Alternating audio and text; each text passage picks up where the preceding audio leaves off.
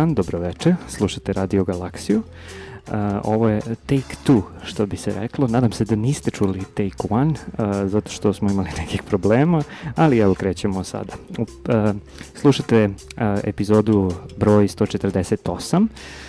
I uh, u ovoj epizodi, kao što ste mogli da vidite u najavi, pričat ćemo o jednom zanimljivom projektu koji je meni zanimljiv ne samo u oblasti e, iz koje dolazi, nego i generalno i mislim da je dosta važan. Videli ste da ćemo pričati o alternativnoj medicini, a pričat ćemo o uh, zapravo tome kako se psihologija bavi alternativnom medicinom i ne samo uh, njom, nego i kakvim tradicionalnom i kompl komplementarnom, uh, ali i uh, time kako zapravo ljudi uh, E, da li se, odnosno kako, kako se ne predržavaju raznih medicinskih preporuka i tako dalje i zašto se to sve radi, tako da e, u gostima imamo e, dve gošće koje se zapravo bave time na jednom projektu koji se zove Reason for Health, projekat je finansiran od strane Ministarstva nauke, jel, pre, pro, nauke prosvete, Fonda za nauku. Uh, I uh, da, gošće su profesorka doktorka Iris Žeželj sa uh, odeljenja za psihologiju i docentkinja doktorka Danka Purić takođe sa odeljenja za psihologiju i iz Lire čuvene laboratorije za istraživanje individualnih razlika. Dobrodošle sad Hvala. po drugi put. Hvala po drugi put. A, da vas čujem sad, ajde da ovaj, malo pričamo o tome čime se bavi taj projekat. E, pa projekat se, kao što si dobro najavio, bavi psihološkim korenima onoga što zovemo upitne zdravstvene prakse, a to su sklonost ka pribegavanju nekim neproverenim e, tretmanima i sklonost ka nepridržavanju zvaničnih e, preporuka I naša ideja je da vidimo da li postoji neki pogled na svet, neki način razmišljanja koji prosto čini ljude podložnijim ovakvim ponašanjima i neka naša preliminarna istraživanja e, i u pandemijskoj situaciji, a i pre nje, ukazuju na to da postoje neki, neke specifičnosti u o, tom pogledu na svet koje bi činile ljude kandidatom za to, kao i da mediji nekako, pretpostavljam, intuitivno osjećaju koje su to naše uh, deljene slabosti uh, kada konzumiramo sadržaje o zdravlju i nekako se na to lepe, pokušavajući da nam plasiraju razne proverene, ali nažalost i neproverene stvari i to na razne, na razne načine, o tome ćemo detaljnije, ovo je samo kao neki teaser. Mm. Deluje da je e, projekat baš veliki uh, i ono što je meni posebno bilo zanimljivo je što zapravo metodološki je to nešto što e, vi psiholozi zovete mix metod. Uh, pa kakvi se tu sve metodi koriste i zašto je to tako zanimljivo specifično? Nije uobičajeno da se zapravo da ima, ako sam ja dobro razumeo, toliko metoda u jednoj temi. Da, pa naša ideja je bila u stvari da pristupimo problemu sa što više različitih strana. Kad kažem problemu, mislim pre svega istraživačkom problemu, ali može se postaviti kao neki problem u kontekstu javnog zdravlja, komunikacije o zdravlju. I mi ćemo imati, to jest već smo započeli jednu analizu sadržaja medija, to je deo prvog radnog paketa, zatim ćemo imati konstrukciju instrumenta koji se između ostalog oslanja i na fokus grupe sa lekarima i praktičarima ove tradicionalne komplementarne i alternativne medicine. Zatim ćemo imati upitničko istraživanje, nastavit ćemo sa upitničkim metodom i na velikom reprezentativnom uzorku, A, takođe, planirano je da uradimo jedno istraživanje, takozvani experience sampling, odnosno uzorkovanje iskustava, gde ljudi dobijaju na mobilni telefon nekoliko puta dnevno notifikaciju onda odgovaraju na nekoliko kratkih pitanja i kao poslednja faza projekta planirani su eksperimenti. Tako da zaista smo pokrili gotovo sve moguće uh, domene i načine merenja i istraživanja u psihologiji. Dobro, nismo sigurno sve, zato što psihologija je, metodo, psihologija je metodološki veoma bogata i imamo jako puno stvari koje su nam tu na raspolaganju, ali evo, ovo je sad kratki neki prikaz toga šta ćemo sve raditi. I samo sam htela da se nadožem u stvari mm -hmm, na mhm, predstavljanje mm -hmm. projekta. Mm, ono što mene često pitaju ljudi kada pomenem da radim ovaj projekat jeste, a da li ste to isplanirali sad zbog korone? Mm -hmm. I uh, zapravo odgovor je nismo. Mi smo počeli sa pisanjem projekta pre nego što je uh, prvi slučaj uopšte zabeležen i imali smo tu ideju i zanimala su nas načelno zdravstvena ponašanja. Međutim, tokom pisanja projekta desila se pandemija i to nekako mislim da je dodatno uh, i nama pomoglo da sagledamo neke stvari mm -hmm. u vezi sa projektom, a mislim da je verovatno uticalo i na to da se prepozna relevantnost projekta, zato što smo trenutno u situaciji kada su neke odluke o zdravlju veoma važne i za pojedinca i za njegovo okruženje. Mm -hmm. Da, ja nisam hteo da vas pitam je li vas korona, ovaj, uh, zato što mislim da znam i mislim da to treba i slušalcima da bude jasno da projekti ne nastaju tek tako, baš to veliki projekti ne nastaju tako, tako preko noći, pretpostavljam da ste jako mnogo ovaj, se bavili time. Uh, I da, da, to je da... trajalo nekoliko meseci, ta mm -hmm. faza pisanja projekta, istraživanja, pretrage literature, pilot nekih istraživanja. Um, ajde da krenemo onda od ovih nekih prvih stvari. U stvari, Danka, pošto si ti pomenula sad metodološki, hoćeš da nam objasniš možda uh, ukratko samo razlike uh, ili kako god ovaj, šta je analiza sadržaja, šta su fokus grupe uh, u, u nekom opštem smislu, a onda mhm. možemo jedno po jedno zapravo na konkretnim primjerima koje ste vi radili. Da, naravno. Dakle, analiza sadržaja je uh, specifična metoda analize podataka zato što za razliku od skoro svih drugih uh, tehnika u psihologiji ne, ne podrazumeva žive ispitanike. Uglavnom, kada mhm. radimo neka istraživanja u psihologiji, u 90, ne znam, 5% slučajeva sad sam onako lupila, ali imamo neke ispitanike ispitanike koje nešto pitamo na ovaj ili onaj način i a, najveći deo i našeg projekta se oslanja na upravo informacije koje na taj način dobijamo. Kod analize sadržaja analizira se, jel te, neki sadržaj koji u ovom slučaju su novinski članci iz različitih časopisa koji se bave temama koje smo mi identifikovali kao značajne. Mm -hmm. E sad, Iris će više reći u, konkretno o tome kako je organizovana ova analiza sadržaja, šta su neki rezultati. A, a ja ću evo sad kratko isto da probam da kažem ovim drugim metodama. A, fokus grupe isto spadaju kao i analiza sadržaja u te kvalitativne a, grupe analiza. I to je recimo nešto čime se ja i ne bavim toliko mnogo, ali sam se sada na ovom projektu bavila pa mi je bilo zanimljivo. A, dakle, fokus grupe podrazumevaju da se a, okupi neki relativno manji broj a, osoba koje su po nečemu uh, važne za istraživača. Mi smo mhm. imali dve fokus grupe, jednu sa lekarima, drugu sa praktičarima komplementarne i alternativne medicine i ono što smo vodili računa jeste da ispitanici budu mm, međusobno, da kažemo, komplementarnih specijalizacija, specijalnosti, dakle da ne budu svi potpuno homogeni, nego da to ipak mm -hmm. bude neka heterogenija grupa ljudi, tako da mogu da imaju različite poglede na ono što nas zanima. A, pripremili smo vodič za a, te razgovore u okviru fokus grupa, to iz, izgleda tako što a, jedna osoba moderira, obično razgovor postavlja pitanja, praktično mm -hmm. kao neki, eto, može se reći i grupni intervju, dakle, da, da, nešto da. slično ovom što sad radimo, samo sa malo više ljudi. I strukturirano. Ili, I da, da, barem polu strukturirano, dakle, da. trudimo se da unapred znamo šta želimo da pitamo i šta želimo da saznamo, zato što ako to ne znamo, razgovor vrlo lako može da skrene na neku mm -hmm. drugu stranu.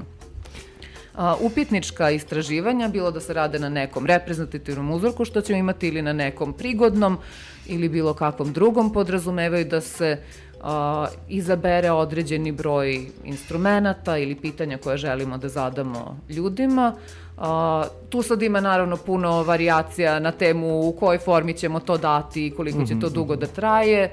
Uh, A to je možda ali, nešto što je najprepoznatljivije da ljudima. Tako je, da. mislim da ljudi tu već prilično dobro znaju kako izgleda i gotovo svi su nekada u životu neki upitnik, upitnik popunili, da. neku anketu ili nešto tome slično. I kad si pomenula slično. koronu, posebno je sad tokom korone bilo mnogo raznih istraživanja vezanih za, Jeste. za upravo za to kako ljudi doživljavaju koronu i tako dalje i tako dalje.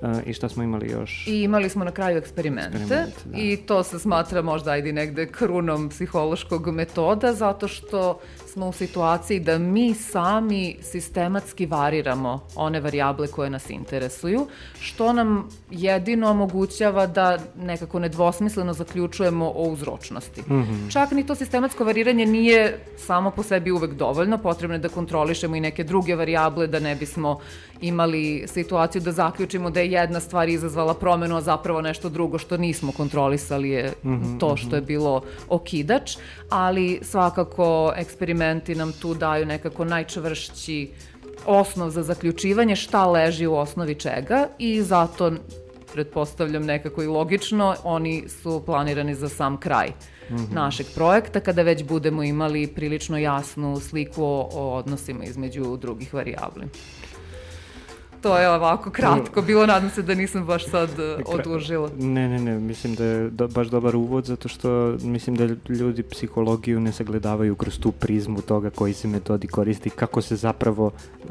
reći ću pod navodnicima, uh, mere razne neke stvari koje, o kojima mi pričamo tako i laički, kao kako, kako mi sad verujemo u nešto, pa to sve, sve nekako meri nekim metodama, tako da mislim da je važno da napravimo taj uvod. A, ajde da onda krenemo jedno po jedno, osim ako Iris nemaš nešto da dodaš. Na ovo, ne znam sad, samo ti pitaj pa. uh, ajde da krenemo u stvari. Uh, ono što je vaš projekat, koliko sam ja uspeo da vidim, znači postoje dva neka aspekta tog upitnog ponašanja. Ajde da pričamo znači o tome šta je upitno problematično ponašanje, koje su to dva aspekta kojima se vi bavite, ili ima još neki koje, koje niste obuhvatili projektom i tako dalje. Pa, mi se bavimo tom dvema širokim kategorijama, ja bih rekla, mislim sad, naš je, naš je naziv to upitno, problematično ili kako god uh, Quest, ponašanje, questionable, questionable da, da. jeste. I on ima neku vrednostnu konotaciju u smislu da um, može da vodi nepovoljnim zdravstvenim ishodima. Uh, ne zato što čitava oblast komplementarne, tradicionalne, alternativne medicine uh, nezasnovana na dokazima ili bilo kako kao cela oblast problematična, nego zato što je slabije regulisana od ove druge i zato što postoji veća šansa da ljudi budu izloženi nekim praksama i nagovarani, da kažemo, na neke prakse uh, koje zapravo nemaju ozbiljnu bazu dokaza iza, iza sebe. Mm -hmm. Te je tako to jedan oblik, da kažemo, kažemo, potencijalno problematičnog ponašanja, a drugi je ne slušamo lekare, ne slušamo ono što nam kažu i to svesno odlučimo da ih ne slušamo, to Šta je ono što nas to je ono što nas zanima. Znači ne ono kad ih ne slušamo zato što smo umorni i nemamo snage i ne možemo da formiramo zdrave navike, a hteli bismo, mm -hmm. nego kada jednostavno ljudi reše da rade drugačije. A to znači da prekinu kuru antibiotika čim se popravi stanje pre nego što im je preporučeno da to urade ili da sami na svoju ruku uključe antibiotike koje su dobili ili mhm. nasledili mm -hmm. ili pronašli sa isteklim rokom u fioci e, za infekcije recimo koje to ne opravdavaju ili da se samo medikuju kada je reč recimo o različitim psihijatrijskim lekovima, najčešće sedativima. Ili sad je to vrlo aktuelno da odlažu ili izbegavaju vakcinaciju, na primjer. Mm -hmm. e, dakle, ta vrsta ponašanja gde ljudi svesno odluče da ne rade ono što im je rečeno ili da ne rade baš kako im je rečeno. Ili ono da... što su generalne nekako preporuke, norme, uslovno rečeno. Tako je, ali nas zanima to kada oni baš donesu tu vrstu mm -hmm. odluke Aha. i sada, uh, dakle, to može da bude, ne znam, evo sve ovo što sam navela, onda ne znam, svako će prepoznati to u svom okruženju, pogotovo kod ljudi koji moraju, recimo, da, da, da se pridržavaju nekih dugoročnih uh, terapija ili sami doziraju ili biraju mm -hmm. šta će da koriste, a šta neće i slično. Dakle, takva vrsta ponašanja je druga grupa koja nas zanima i jedna od stvari je da vidimo da li su ona povezana, odnosno da li ljudi koji su skloni da tako izvrdavaju, menjaju, izbegavaju preporuke lekara, su istovremeno i oni koji su skloni da se okrenu alternativnoj, tradicionalnoj, mm -hmm. komplementarnoj medicini ili možda postoji profil ljudi koji će raditi i jedno i drugo, uh, u smislu i pridržavati se preporuka lekara, ali za svaki slučaj i mm -hmm. ovoga, ili ljudi koji su potpuno nezainteresovani za zdravlje, pa neće ni jedno ni drugo. Dakle, to su prva linija istraživačkih pitanja je to. Hajde da vidimo šta ljudi od ovoga rade i kako su te dve grupe ponašanja međusobno, međusobno povezane, a onda, pošto smo psiholozi, zanima nas i zašto. Mm -hmm. E, onda je sad korak unazad da vidimo kako misle oni, kako donesu ljudi takve odluke, na čemu ih baziraju i onda još jedan korak unazad je da li postoje neke crte ličnosti koji nas čine posebno uh, podložnim da donesemo takve odluke i onda i ponašamo se na taj način. Mm -hmm. Profiling zapravo neke vrste. Jeste. ne znam kakvu konotaciju ima, ali da, da, Nije, to je... šalim se, naravno, da. Um, da, dosta velika tema. Um, ajde da onda krenemo od toga gde smo najviše izloženi svim tim informacijama vezanim za, za zdravlje, alternativnu. U stvari, ajde krenemo u stvari da definišemo prvo šta je to alternativna, šta je komplementarna tradicionalna medicina, kad se to pojavilo, kakav je, je status kod nas u zemlji i tako dalje. A, da, dakle, a, alternativni komplementarna medicina u suštini mogu da obuhvataju potpuno iste prakse. Razlika je samo na koji način se koriste. Alternativna medicina se koristi zamenski umesto zvaničnih preporuka zvanične medicine, dok se komplementarna koristi paralelno sa njom kao komplement, odnosno mm -hmm, kao dopuna. Mm -hmm a tu sad spadaju različite konkretne prakse. E, postoje različiti pokušaj da se one sistematizuju na neke kategorije, na primer određeni medicinski sistemi, onda um-telo prakse, pa herbalna medicina ili generalno ta biološka, mm -hmm, biološki mm -hmm. zasnovana i tako dalje. A tradicionalna medicina je da kažemo, jedna malo drugačija kategorija zato što ona se definiše na osnovu toga da je prisutna u tradiciji određenog naroda. Tako da mm -hmm, ova neka mhm. srpska narodna medicina, ali ne mora biti samo srpska, može to da bude i ruska indijska su negde one koje se najčešće, barem kod nas, pojavljuju. Dakle, to sve spada u tradicionalnu medicinu, ali mm -hmm. kako da mhm. kažem, znači nešto što je tradicionalna medicina može istovremeno biti i neka prepoznato kao praksa, recimo neki medicinski sistem ili kao um, telo, praksa praksa mm -hmm, i tako mm -hmm. dalje. Dakle, tu spada veliki broj različitih uh, ponašanja. Evo neki tipični primeri, akupunktura, ajurveda, homeopatija, yoga, tai chi, to su te um telo, meditacija, to su reiki, sve, znači sve te stvari mogu da budu i komplementarna i a, a, alternativna u zavisnosti od toga verovatno o kom se problemu Uh, zavisi od toga na koji da. način ih osoba primenjuje. Aha, aha. Uh, ono što je kod nas uh, zakonski regulisano jeste komplementarna medicina. Dakle, mm -hmm. postoje određene prakse koje zakonom je dozvoljeno da se ljudi njima bave i uh, ali isključivo u komplementarnom vidu. Mm -hmm. Dakle, ne postoji nikakva regulacija za alternativne prakse, tako da zato kažem tu je bitno napraviti razliku.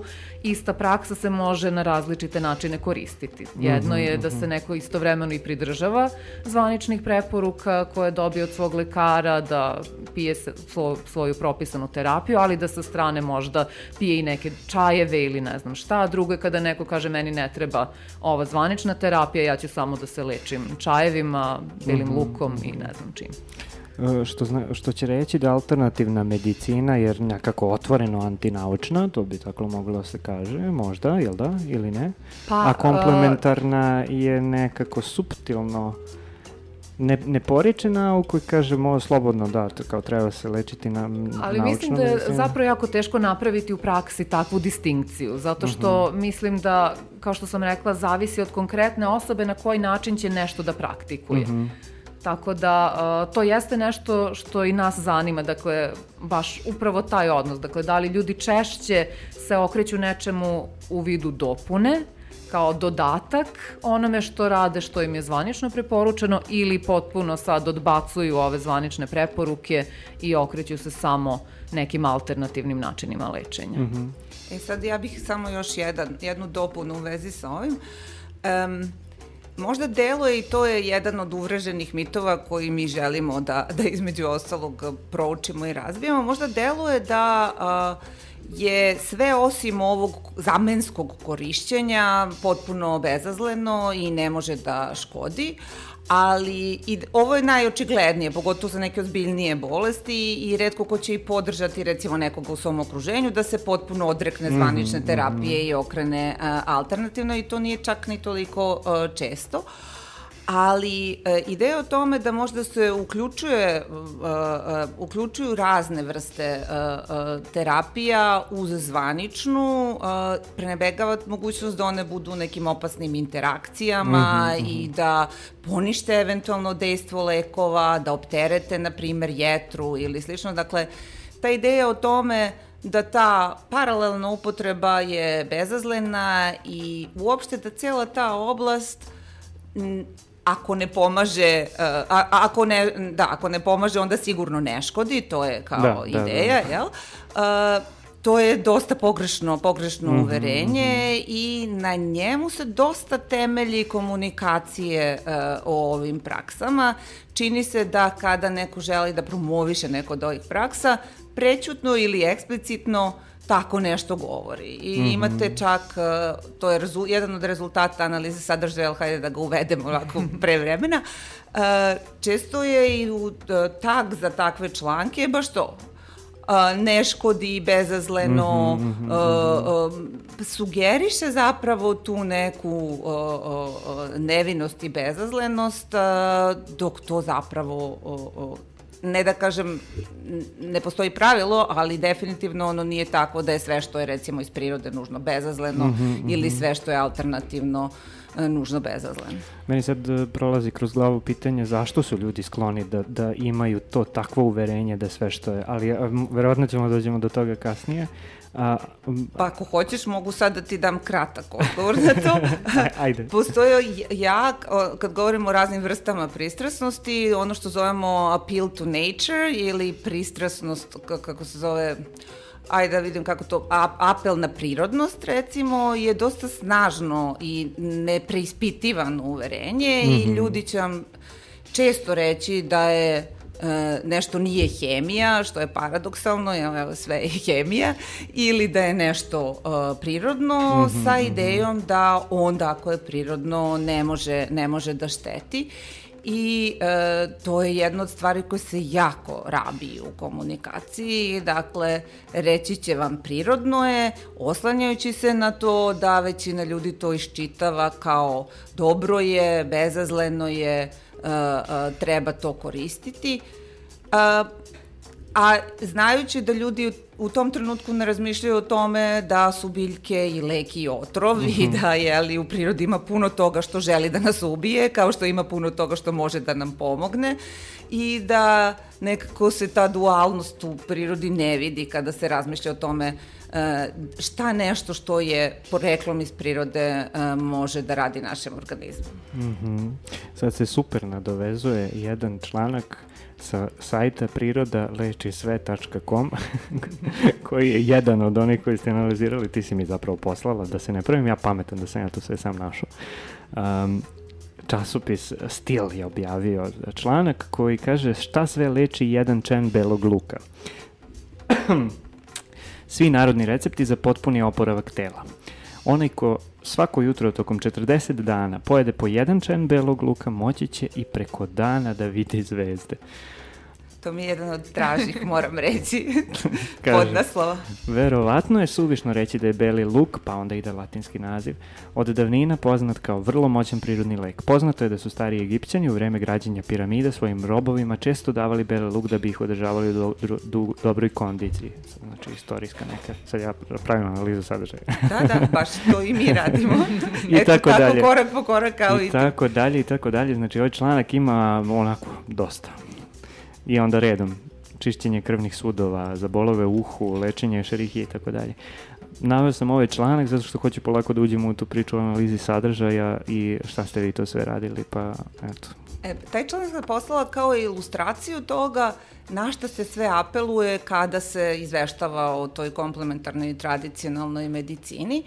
Um, I dakle, ono što smo mi uradili, ajde, kratak, malo dosadan metodološki deo, uzorkovali smo sa najčitanijih portala digitalnih u Srbiji, njih deset, uzorkovali smo sve članke u, u određenih šest meseci, to je početak 2021 e, koji su označeni kao o, tagovima komplementarna, alternativna, tradicionalna, herbalna i još smo imali neke reči za pretragu. e, sa idejom da vidimo nekoliko stvari. Jedno je da li se o, o tim tretmanima o kojima je reč piše u pozitivnom, neutralnom ili eventualno negativnom tonu, E, kako se oni predstavljaju čitaocima, na šta se tu oslanja, da li se recimo apeluje na prirodnost kao što smo malo pre ilustrovali ili se apeluje na tradiciju, na dugu istoriju korišćenja, na mudrost vekova, tu se jako često koristi reč drevno jer izgleda bolje zvuči od staro ili, i možda asocira nešto što je i mudro.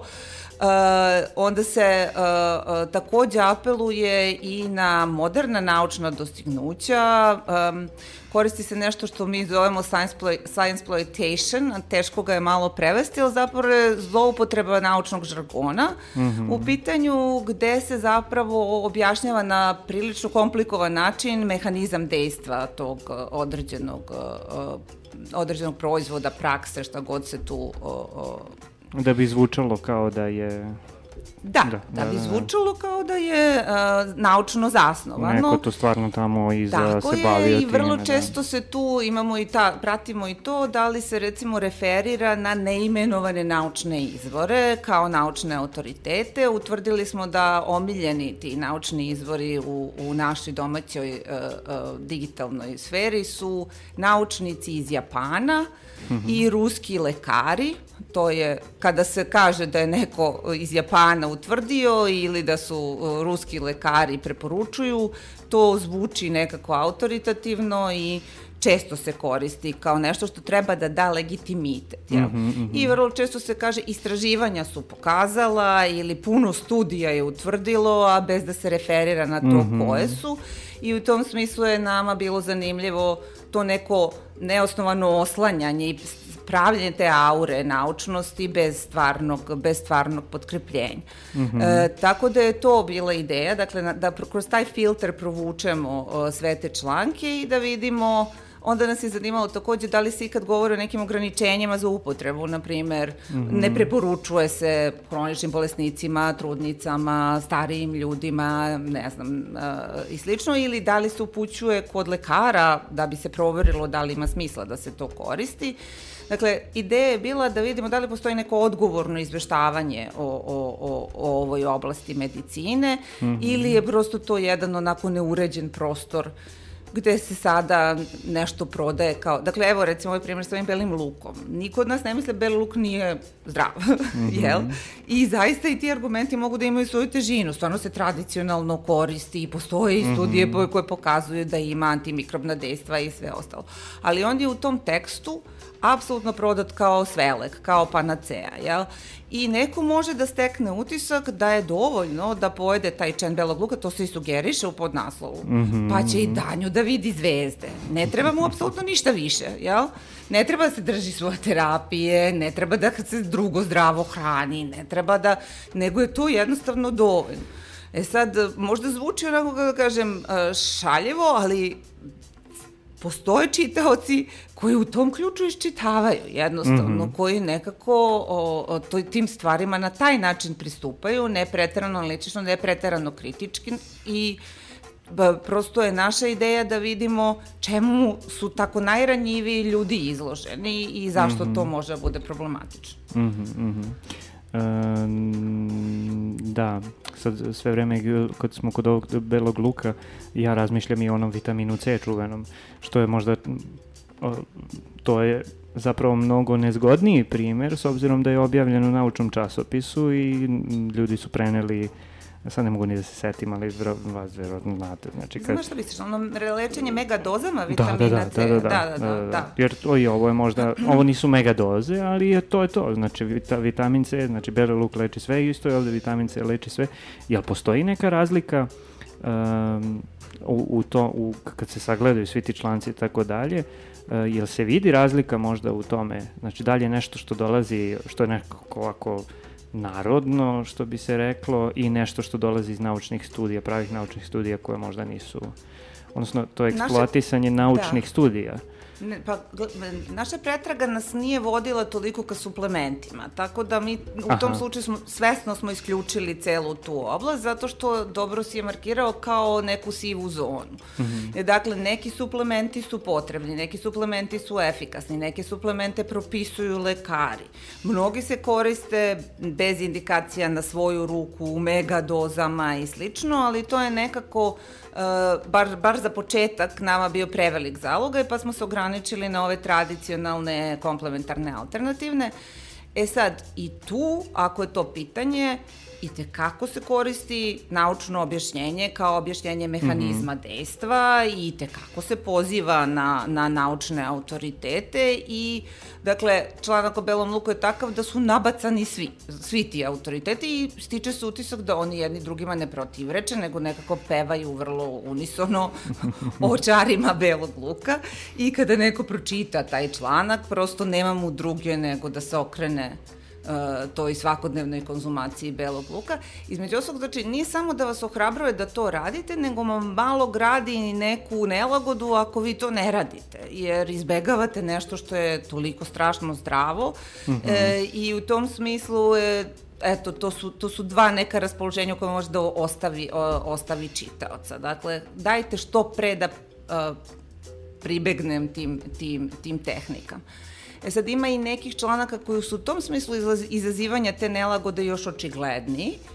E, ima članaka recimo koje govore o tome da je naše telo prepuno parazita kojih mm -hmm. treba da se rešimo i oni insinuiraju da ako to ne uradimo, eto ti paraziti tu nekako životare, množe se i, i, i ovaj, tiho nas uništavaju, mm -hmm. ali evo postoji recept ruskog doktora koji će nas očistiti od tih stvari. I ideja, ta priča o detoksikaciji, o čišćenju organizma od nečega što o, ga iznutra zagađuje, gomila se i slično, je jedna od tih stvari na koje se naslanjaju uh, tipično te, uh, da kažemo, uh, promotivni, promotivni članci o, o ovim praksama. I ono što je jedan od, kao da kažem, ovih prvih nalaza koji je strašno uočljiv je od tih skoro 200 članaka nijedan nije negativan, a jako mali broj je neutralan, dakle uglavnom mm -hmm. je mhm. to, to neka nekritička promocija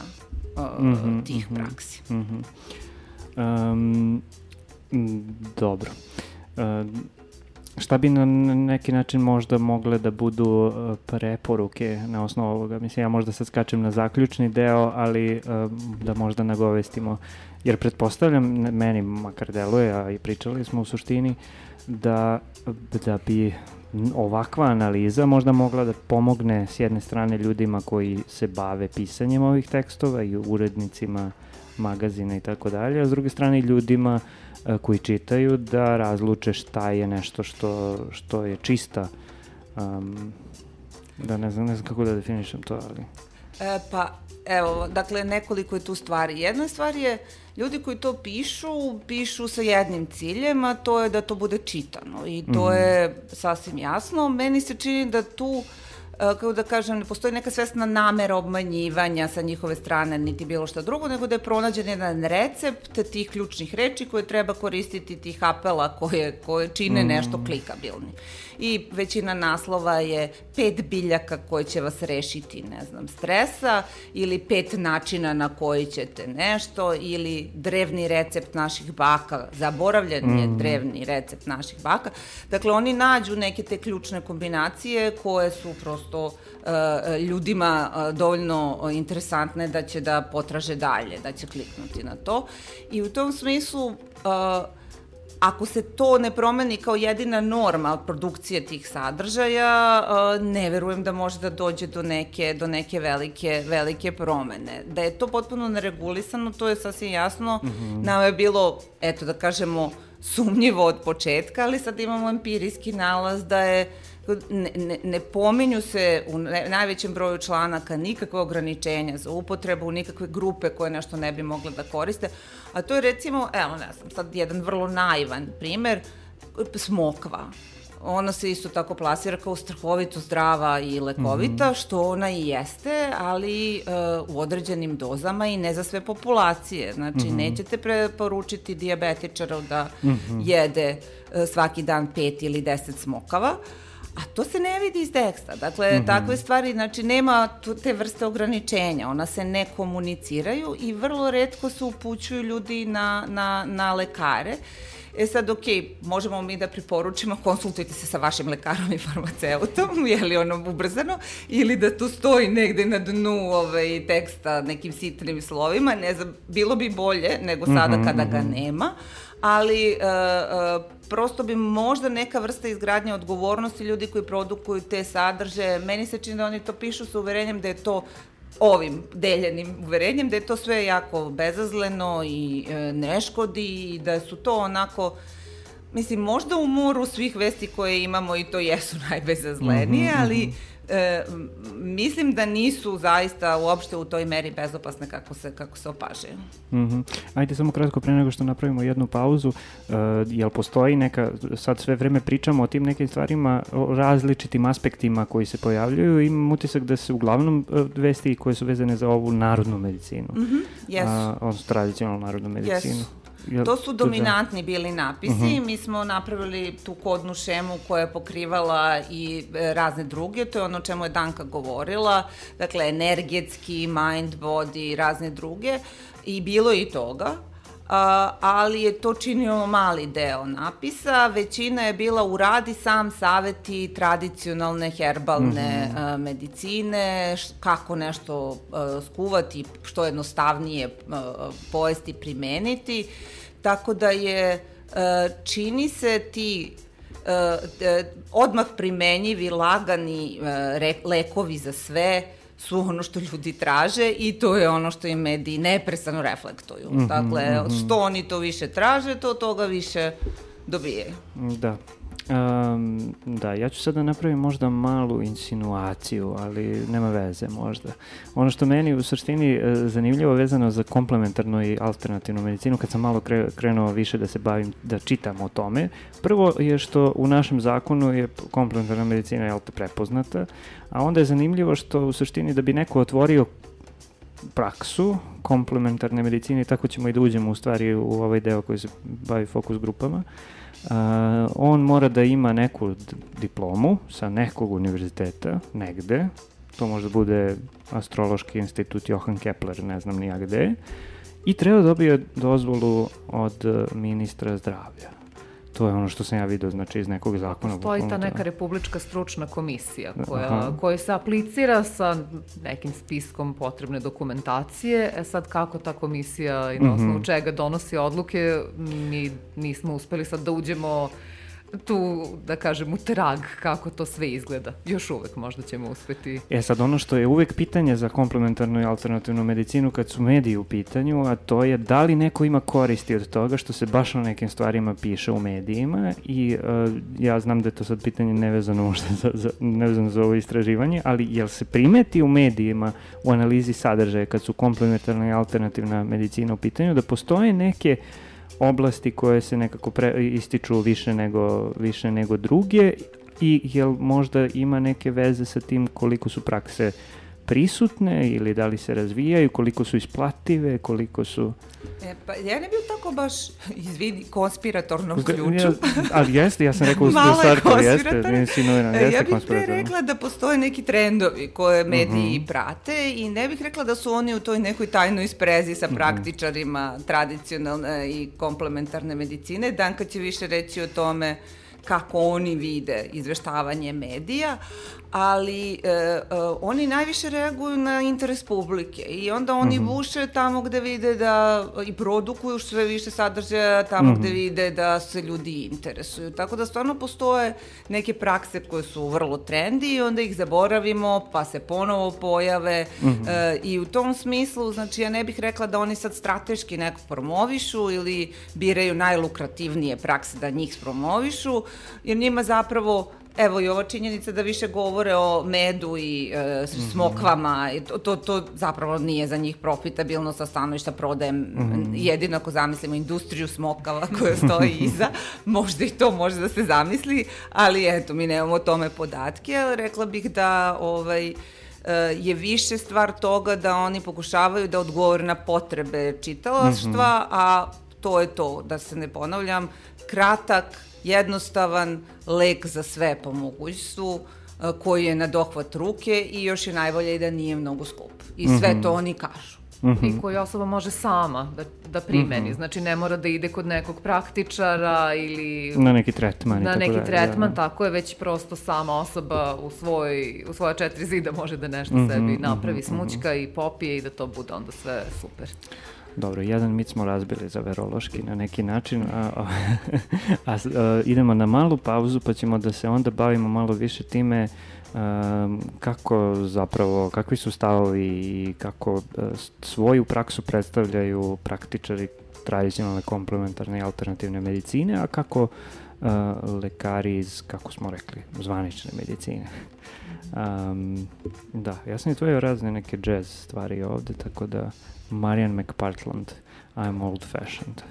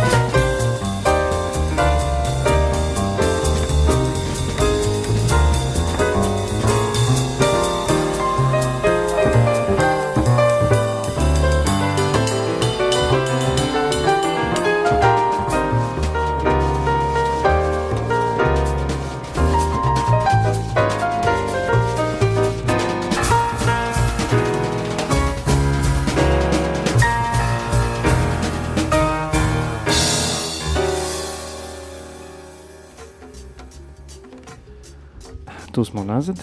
Um, da, jedan taj neki prvi segment su, ajde, kažemo, zaokružili, mada sigurno može da se priča o gomeli primera i različitih praksi u medijima dugo i koje su posledice. Vratit ćemo se na, na kraju uh, i na to um, čemu zapravo taj deo ovog istraživanja i šta može da se uradi sa time da bismo nešto promenili.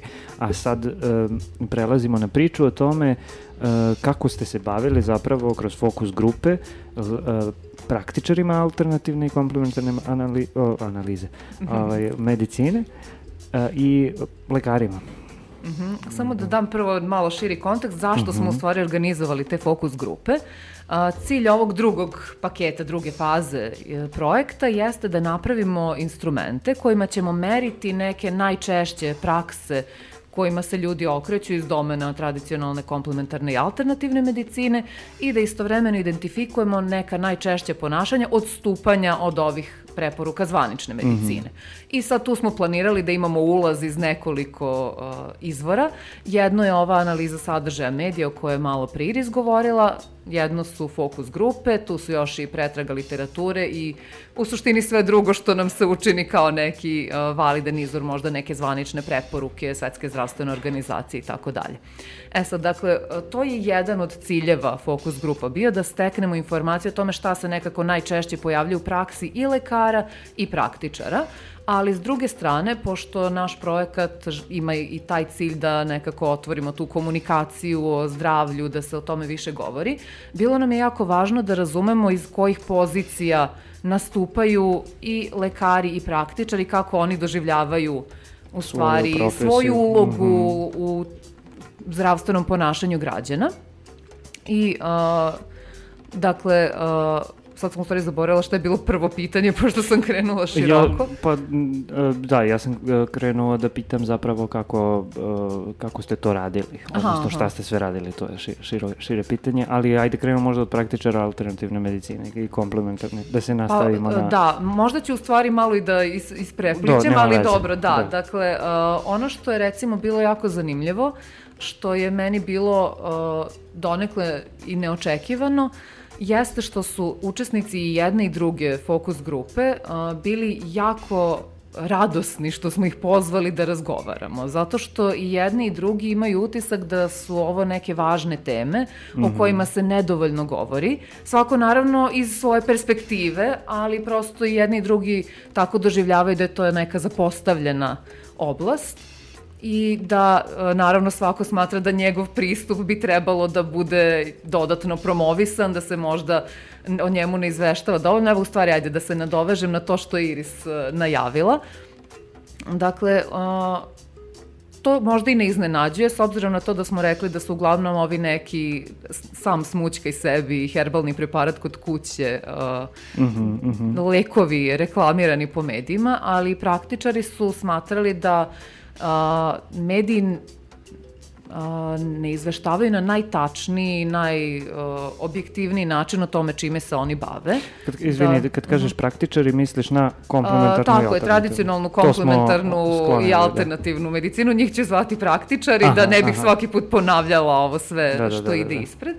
Dakle, oni su imali utisak da nekako a, se njihove prakse mešaju sa nečim što oni nazivaju nadrilekarstvo, sa nekim možda prađbinama da. i tako. Oni su recimo pravili distinkciju između praksi kojima se oni bave i odlaska u crkvu ili manastir radi mm -hmm. izlečenja i Dakle, uh, njihov utisak je da prosto uh, ne dobijaju adekvatnu uh, pažnju u medijima gde bi mogli da predstave svoje metode na način na koji oni smatraju da je -hmm. primeren i da bi prosto objasnio na čemu se metoda zasniva i mm -hmm. šta oni vide da su neki dokazi u prilog efikasnosti. Dakle, sad naravno tu uh, je pitanje šta ko vidi kao dokaz. Oni su najčešće govorili o zadovoljstvu pacijenata, mm -hmm. da kada se ljudi njima obrate sa nekim problemom, da on, oni u najvećem broju slučajeva uh, uspeju da nešto postignu tako da osoba na kraju bude uh, zadovoljna i smatra da je rešila problem, ali mm -hmm. uh, s druge strane mi ne znamo da li je to zapravo kada bismo imali onu kontrolnu grupu čuvenu, dakle da, da li bi neka kontrolna da. grupa koja bi radila nešto drugo što veruje da im pomaže, da li bi ona isto tako imala napredak mm -hmm. ili bi to bilo drugačije. To je ono što, u stvari što je, na čemu mi u projektu insistiramo, to je zasnovanost na dokazima. Dakle, mm -hmm. da je važno da se za svaku praksu iz uh, domena ove zvanične medicine i iz domena tradicionalne, komplementarne i alternativne pokaže da zaista jeste efikasna, za koga je efikasna, u kojim situacijama, u kojim dozama i tako dalje. Dakle, da se to mhm. sve nekako što preciznije odredi. E sad, kako su uh, još izgledale fokus grupe? Šta su bila pitanja, to mi je sad u glavi, da. Kako, kako ste ih... E, znači, šta, da, šta kako ih... smo strukturisali. Dakle, ono što je bilo prvo pitanje jeste da se učesnici predstave, da kažu nešto ukratko o svojoj metodi. Oni su bili uh, predstavnici različitih uh, metoda. Uh, i da kažu otprilike kako izgleda neki njihov prvi susret sa pacijentima, kada neko dođe, sa kojim problemima se ljudi javljaju, kako se postavlja diagnoza, kako se određuje terapija. I tu dosta stvari se uh, zanimljivih pojavilo u tim razgovorima.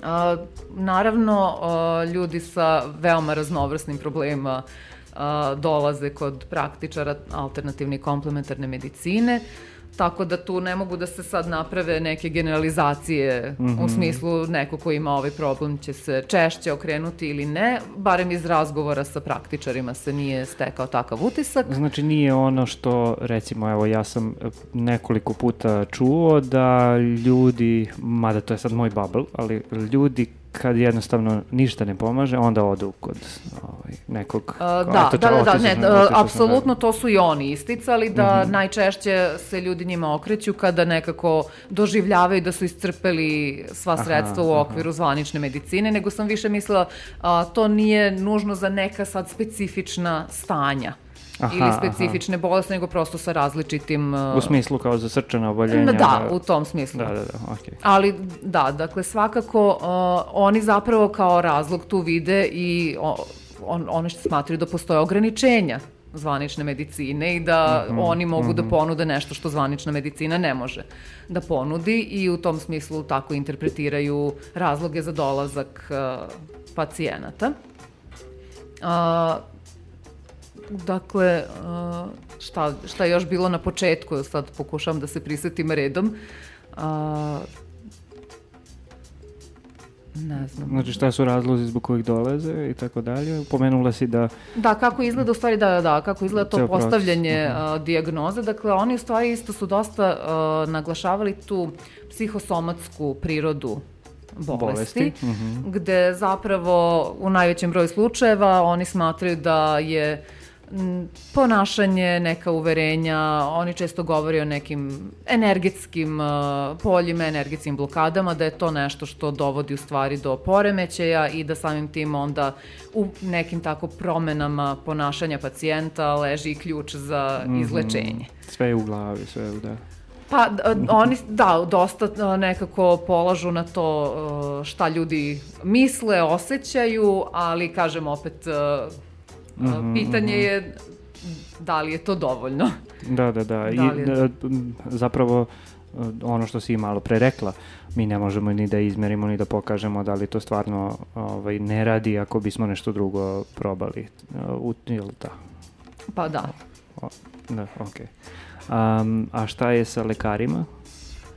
Da, lekari s druge strane smatraju da je ovo važno pitanje zato što oni iz svoje prakse pak uh, doživljavaju da uh, U stvari, oni navode da najčešće saznaju da se osoba uh, ili ne pridržava propisane terapije ili da koristi neku alternativnu ili komplementarnu terapiju tako što dođe do pogoršanja bolesti ili mm. nekada tako što ne dođe do očekivanog napretka i uh, oni zbog tog razloga naravno smatraju da je ovo problematično zato što uh, takođe nekako imaju utisak da nisu ni oni sami dovoljno informisani na tu temu i da ne znaju baš ni gde bi se informisali i onda uh, može da se desi da prosto pacijenti kada dođu kod lekara uh, i ne otvore komunikaciju ni jedni ni drugi na tu temu šta još osoba radi kada ode od lekara svojoj kući, da li će nešto drugo raditi, primenjivati. Zato što lekari nisu informisani dovoljno ili... Ja, pa mi sad baš... možemo otvoriti pitanje šta su sve neki mogući razlozi. Znači, uh, lekari su najviše govorili o tim sistemskim razlozima. Dakle, kako prosto oni u okviru svog obrazovanja formalnog ne uče o svim tim raznovrsnim metodama mm. i da nisu sigurni šta od toga je zasnovano na kojim principima, šta je delotvorno, nije delotvorno. Neki od njih a priori, da kažem, odbacuju sve. Mm -hmm. Neki smatraju da ono što može da se pokaže da je zasnovano na dokazima, bez obzira na to iz koje grane medicine dolazi, treba da bude uvaženo. Neki se pak pozivaju na to da je možda neka praksa bila korišćena u određenoj instituciji ili da ima neki tako isto renome, opet možda neko pozivanje na autoritet uh, stručnjaka mm -hmm. u oblasti, dakle nisu svi uniformni u tome kako vide uh, ove prakse i razloge za te prakse. Uh, takođe oni smatraju da je deo i do pacijenta. Mhm. Mm I, uh, ali to je recimo zanimljivo što i lekari i praktičari uh, te osobine pacijenta posmatraju opet iz neke malo drugačije perspektive nego mi, naravno, koji smo psiholozi na projektu. Oni, recimo, lekari govore o nesaradljivim pacijentima koji a, prosto zapravo ne slušaju njihove preporuke, ne pridržavaju se toga što im je rečeno da treba da piju kao terapiju ili prosto da, ne znam, idu a, sad padaju mi na pamet neki konkretni primjeri, ali nije ni važno. Mhm, dakle, prosto ne pridržavaju se toga što im je rečeno da treba da rade ili uh, da nekako nemaju poverenja u lekare i da se izgubilo to poverenje u zvaničnu medicinu i u zdravstveni sistem, što se opet pripisuje nekim sistemskim faktorima. Mm. I isto pominju da tako pacijenti često traže drugo mišljenje, pa onda biraju kome će da veruju na osnovu onoga što oni već unapred nekako su više prihvatili kao pravu verziju svoje bolesti i poželjnog tretmana. Tako da to su sve neke teme koje se pojavljuju, a dobro, opet kažem, ni iznenađujuće, ni lekari, ni praktičari nisu govorili o tom nekom načinu razmišljanja pacijenata, šta je to mm -hmm. što bi ih iz te neke više psihološke perspektive okrenulo ka jednim ili drugim tretmanima. A je li bilo lekara koji praktikuju komplementarnu i alternativnu medicinu? A, pa kada smo regrutovali učesnike za ovu fokus grupu sa lekarima, mi smo se trudili da mm -hmm. uh, imamo one koji se bave samo zvaničnom medicinom, baš da ne bi došlo do tih uh, dvostrukih uloga, ali što se tiče praktičara, zapravo uh, zakonski je negde i prepoznato da bi baš lekari najprej trebalo da se bave tim mhm, praksama mm -hmm. alternativne i komplementarne medicine, tako da neki od njih jesu, imali smo jednog lekara i dve farmaceutkinje, koji uh, su navodili kako oni i dalje uh, se identifikuju sa tom svojom profesijom koja je u okviru zvanične medicine ili farmacije, ali istovremeno se identifikuju sa ovim što je alternativno, odnosno komplementarno. Mm -hmm. Tako da uh, zapravo veliki broj praktičara i jesu, da kažem, edukovani iz zvanične medicine. Postoji neka um, analiza toga do, ko, do kog nivoa su edukovani, da li su fakultetski obrazovani ili su, ne znam... Pa, o, dakle, ove naše dve učesnice su, su bilo... diplomirane farmakološkinje, učesnik je lekar, on je bio anestezijolog mm -hmm. i do nedavno je radio i jedno i drugo. Mm -hmm, mm -hmm. Da. Tako da prosto... Ako, ako aludiraš na to da te nešto, da, da formalna edukacija bi trebalo da nas potpuno zaštiti od ovakvih uverenja... Da, nije, to nije... Da, ali ne... Istraživanja ne pokazuju da to igra neku preterano veliku ulogu. Ne, ne, ne, ne aludiram. Baš iz naše, da. ove, da kažem, psihološke perspektive, to su neke druge varijable, to su neke mm -hmm. druge osobine, baš taj način razmišljanja, pristupa informacijama, kako se biraju, u, povezuju međusobne informacije, a ne da li je neko obrazovan, da li je neko inteligentan, često kada govorimo o nečemu što je iracionalno, ljudi pomisle da, aha, neko ko je iracionalno znači on je glup ili nešto tako. Mm. To zapravo nije ne postoji baš takvo preklapanje. Mm -hmm, dakle, mm -hmm. u pitanju je drugačiji prosto konstrukt. Um, Pa možemo i o tome onda sad. Znači šta je to što navodi ljude da, lekare ili praktičare, da poveruju da to nešto radi ili da poveruju i da imaju tvrd stav da je to nešto što apsolutno ne treba praktikovati i tako dalje.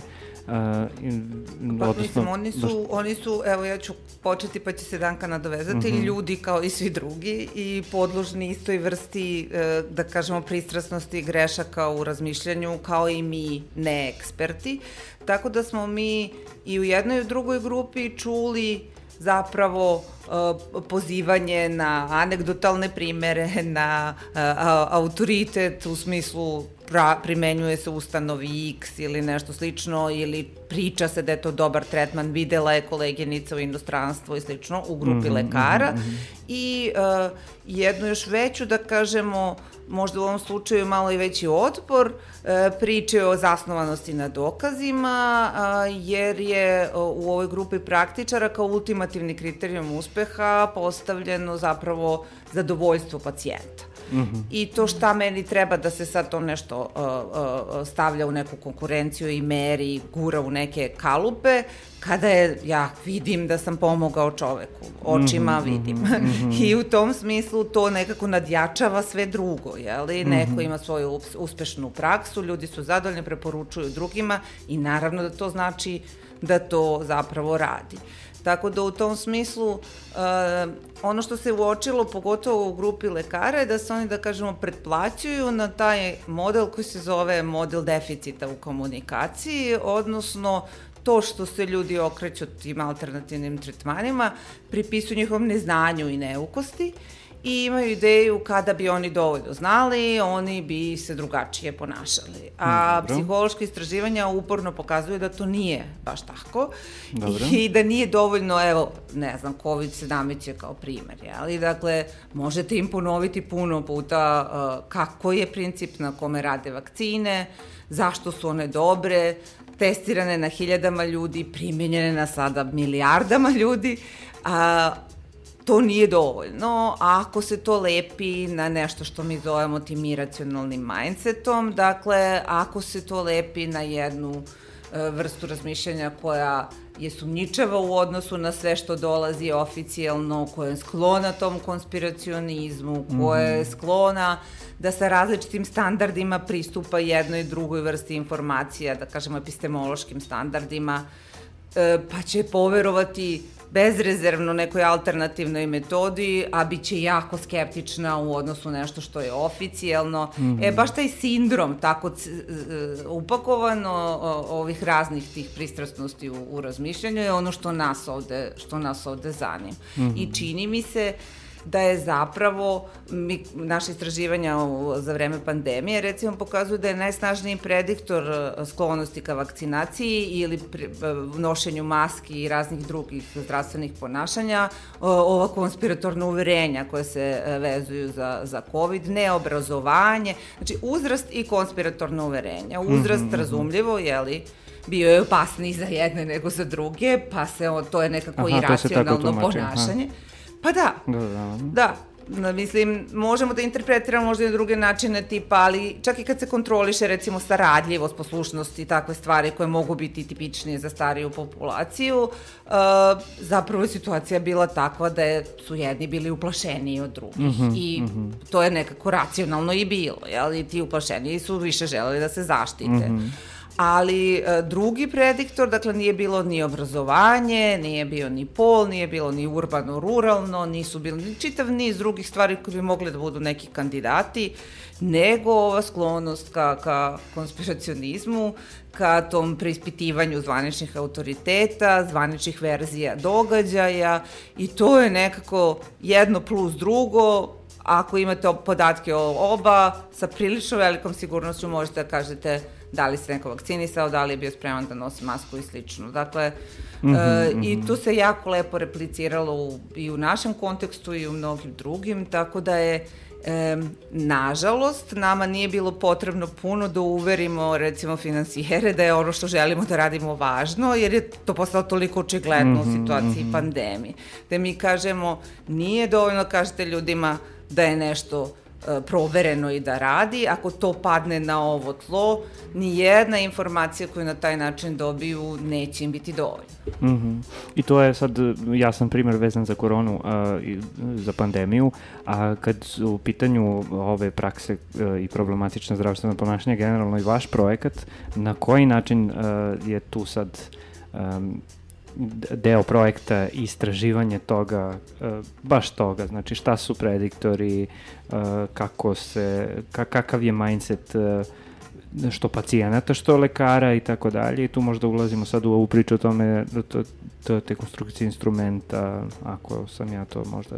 Pa dobro, povezano je svakako, ali da, kada budemo radili ove naredne faze, mi više ne delimo tu sad ljude na pacijente, lekare, mm -hmm. praktičare, prosto svako ko može imati zdravstveni problem, a to smo svi mi, je nekad u situaciji da donosi zdravstvene odluke. Mm -hmm. I samim tim svako je potencijalni ispitanik, svačije mišljenje i ponašanje je nama važno i interesantno.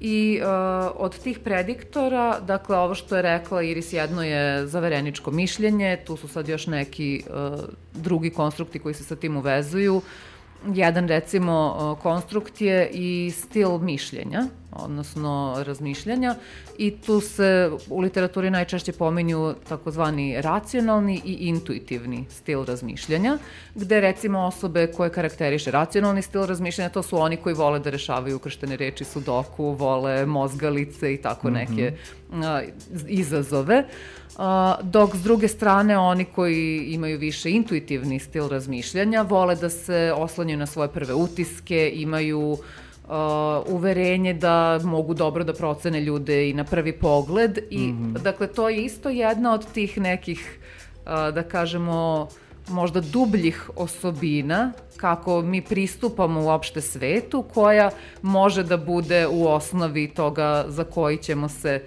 pristup odlučiti. Dakle, ako mm -hmm. neko voli više mozgalice, on će možda da se preokre nečemu što vidi da je prošlo neke provere mm -hmm. u mhm, okviru mm -hmm. naučnih uh, publikacija i istraživanja, a s druge strane neko ko se oslanja na prve utiske može da kaže ja vidim ovog praktičara, terapeuta, on meni uliva poverenje, to je neko kome ja želim da prosto predam, mm -hmm. da mi pomogne Dakle, različite su stvari koje ćemo uzimati u obzir. Mm -hmm. Znači, što se konstrukcije upitnika tiče, mi sad trenutno se ne bavimo toliko samim prediktorima, mada imamo ideju šta oni jesu i koje bismo još neke varijable uključili, ali se bavimo baš samim ponašanjima i time da dobro definišemo koje su to prakse koje su relevantne ovde u Srbiji. Kako se to radi? Aha, pa ništa, radi se kroz ove različite izvore koje sam pominjala. Prvo, naravno, se uvek čita puno prethodno objavljenih naučnih članaka, ali kažem ono što je baš ovde neki izazov jeste da prepoznamo šta je to što se koristi negde drugde u svetu, a možda nije previše prisutno kod nas u Srbiji, a šta su neka ponašanja koja su karakteristična za našu zemlju, a možda se ne pojavljuju mm -hmm. u nekim publikacijama koje su već objavljene. I zapravo cela ova kategorija a, nepridržavanja preporučenih praksi nekako deluje da je a, tako kako smo je mi definisali da nije takva prepoznata do sada. Dakle, postoje zdravstvena ponašanja generalno i neke onako opšte preporuke u smislu ne treba da pušite, da pijete, mm -hmm. treba da redovno vežbate, da jedete voće i povrće. Dakle, to su tako neke opšte stvari, ali to je Iris lepo na početku rekla, ako ljudi odstupaju od takvih uh, preporuka, to vrlo često može da bude zato što se nisu setili da pojedu voćku danas mhm, neku mm -hmm, ili prosto mm -hmm. nisu imali vremena, bio im je gust raspored. Ono što nas više zanima jeste situacija kada neko svesno donese odluku mm -hmm. da će sada da odustane od neke preporuke, zato što isto tako svesno osoba donosi odluku da se okrene nekoj alternativnoj ili komplementarnoj praksi. Mm -hmm. Dakle, u tom smislu ovi primeri kao što je uzimanje antibiotika na svoju ruku predstavljaju neki, ajde, promišljeni čin koji je osoba uradila. Dakle, nije da me je mrzelo da odvežbam danas uh, neki trening, Zaboravio nego... nešto da uradim. Tako da, da, da, je, nego prosto ja donosim sama odluku o tome kako želim da se lečim. Mm -hmm. Tako da sad u stvari pokušavamo da nađemo koja su to neka ponašanja koja ispunjavaju te različite kriterijume koje smo postavili. Tako da o, kada dođemo do te liste, onda sledeći korak je da pošaljemo a, upitnik različitim ispitanicima, potrudit ćemo se da to obuhvati i različite uzrasne kategorije i rodne i ne znam, obrazovne, da prosto mhm. bude što šareniji uzorak, da probamo da vidimo šta je to što se zaista često koristi, a šta je nešto što možda nije uh, toliko bitno i da onda na osnovu toga napravimo neki kraći set itema koji bismo mogli da koristimo u narednim fazama projekta, kada ćemo imati i prediktore, pa mm -hmm. pošto ne želimo da ispitanici provedu baš tri sata odgovarajući na naša pitanja, moramo da budemo ekonomični i da onda nađemo ona najbolja pitanja koja nam istovremeno omogućavaju da poštedimo ispitanike mnogo muke, ali i da dobijemo informacije koje su nam potrebne. Mm -hmm, mm -hmm. Um, Ajmo da napravimo jednu malu pauzu pa se vraćamo da nastavimo priču. Uh, slušamo i dalje neki jazz, Thelonious Monk.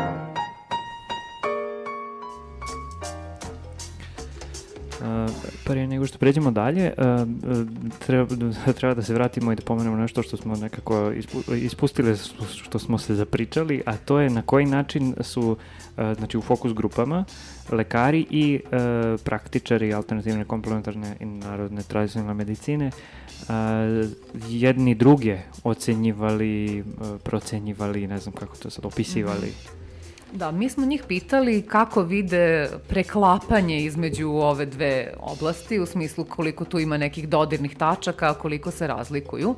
I ono što je vrlo uočljivo jeste da lekari doživljavaju da postoji mnogo manji stepen preklapanja, odnosno mnogo manje dodirnih tačaka između zvanične medicine i tradicionalne, komplementarne i alternativne, mm -hmm. dok s druge strane praktičari uh, vide da je to zapravo uh, sličnije i pored toga želeli bi da bude još nekako povezanije. Oni stalno pominju da bi bilo dobro da postoji saradnja između zvanične medicine, tradicionalne, komplementarne i alternativne i u tom smislu prosto volili bi da taj stepen preklapanja kao Bude da sve veći. bude Mhm. jedno, što donekle reflektuje stav recimo jednog od učesnika iz grupe lekara koji je rekao, ali opet polazeći iz ove perspektive sa kojom se recimo i mi na projektu slažemo, sve što jeste zasnovano na dokazima i sve što je pokazano da je efikasno treba da bude uključeno zapravo u zvaničnu medicinu. Tako da u tom smislu može se čak reći da negde ono teže sličnim stvarima, ali naravno svako to posmatra iz svoje perspektive, tako da verovatno konkretni ishodi koji imaju na umu različiti učesnici ne bi bili isti. Pa to je, da, evo sad ti kad to kažeš tako, uh, u suštini svi ti metodi koji su deo komplementarne narodne ili alternativne medicine, kada bi se ispitali i jasno ono provukli kroz naučni metod medicine, onda oni više ne bi bili zapravo deo Tako je, tako je. Mislim, ili komplementarne, uh, nego bi bili preporuka koja ima uporište u istraživanjima. pa pitanje je u stvari same definicije pojma komplementarna i alternativna koja se nekako definiše kao ono što nije zvanična medicina. Mhm. A dobro, i pitanje je u mi imamo stvari sad šta- neke konkretne tu prakse i tretmane i pravce koji spadaju, ali uh, ideja je da se oni definišu time što su nešto drugo u odnosu na ono što su preporuke zvanične medicine, ali negde ono što mislim da bi trebalo da bude svima nama cilj jeste da svaku metodu, bez obzira na to odakle dolazi, podvrgnemo stvarno tim istim standardima provere i da sve ono što vidimo da radi uvrstimo u lečenje. I to je u stvari i neka strategija Svetske zdravstvene organizacije, oni imaju tu strategiju za većom regulacijom. I to je isto u stvari zanimljivo što su se i lekari i praktičari doticali uh, regulacije i jedni i drugi smatraju da ovo polje nije dovoljno regulisano u sadašnjem trenutku.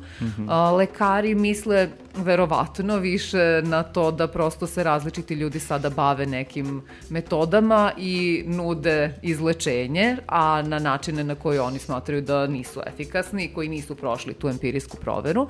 S druge strane, praktičari alternativne i komplementarne medicine isto prepoznaju da nije dovoljno regulisano ko sve može da se bavi nekim metodama i oni takođe uh, govore o tome da je potrebno da se pokažu neki uh, dokazi efikasnosti, ali kao što smo već pominjale, oni više tu se neki barem oslanjaju na zadovoljstvo pacijenata, mada neki govore i o tome da je uh, potrebno ili barem poželjno da praktičar ima barem neku formalnu edukaciju iz medicine ili srodnih grana u zavisnosti od toga čime se bavi. Dakle, neki od njih jesu imali takve ideje, ali mislim da nisu prosto uniformno svi posmatrali Pa to je ono što si ja mislim na početku još rekla, da u stvari i u grupi uh, praktičara i za tu grupu postoje neki tamo Tako koji je, se ophode, prema kojima se oni ophode kao što se neki lekari ophode prema... Jeste, i da, njima je u stvari e, jako važno da oni bi volili da lekari takođe prave tu distinkciju koju oni prave, a lekari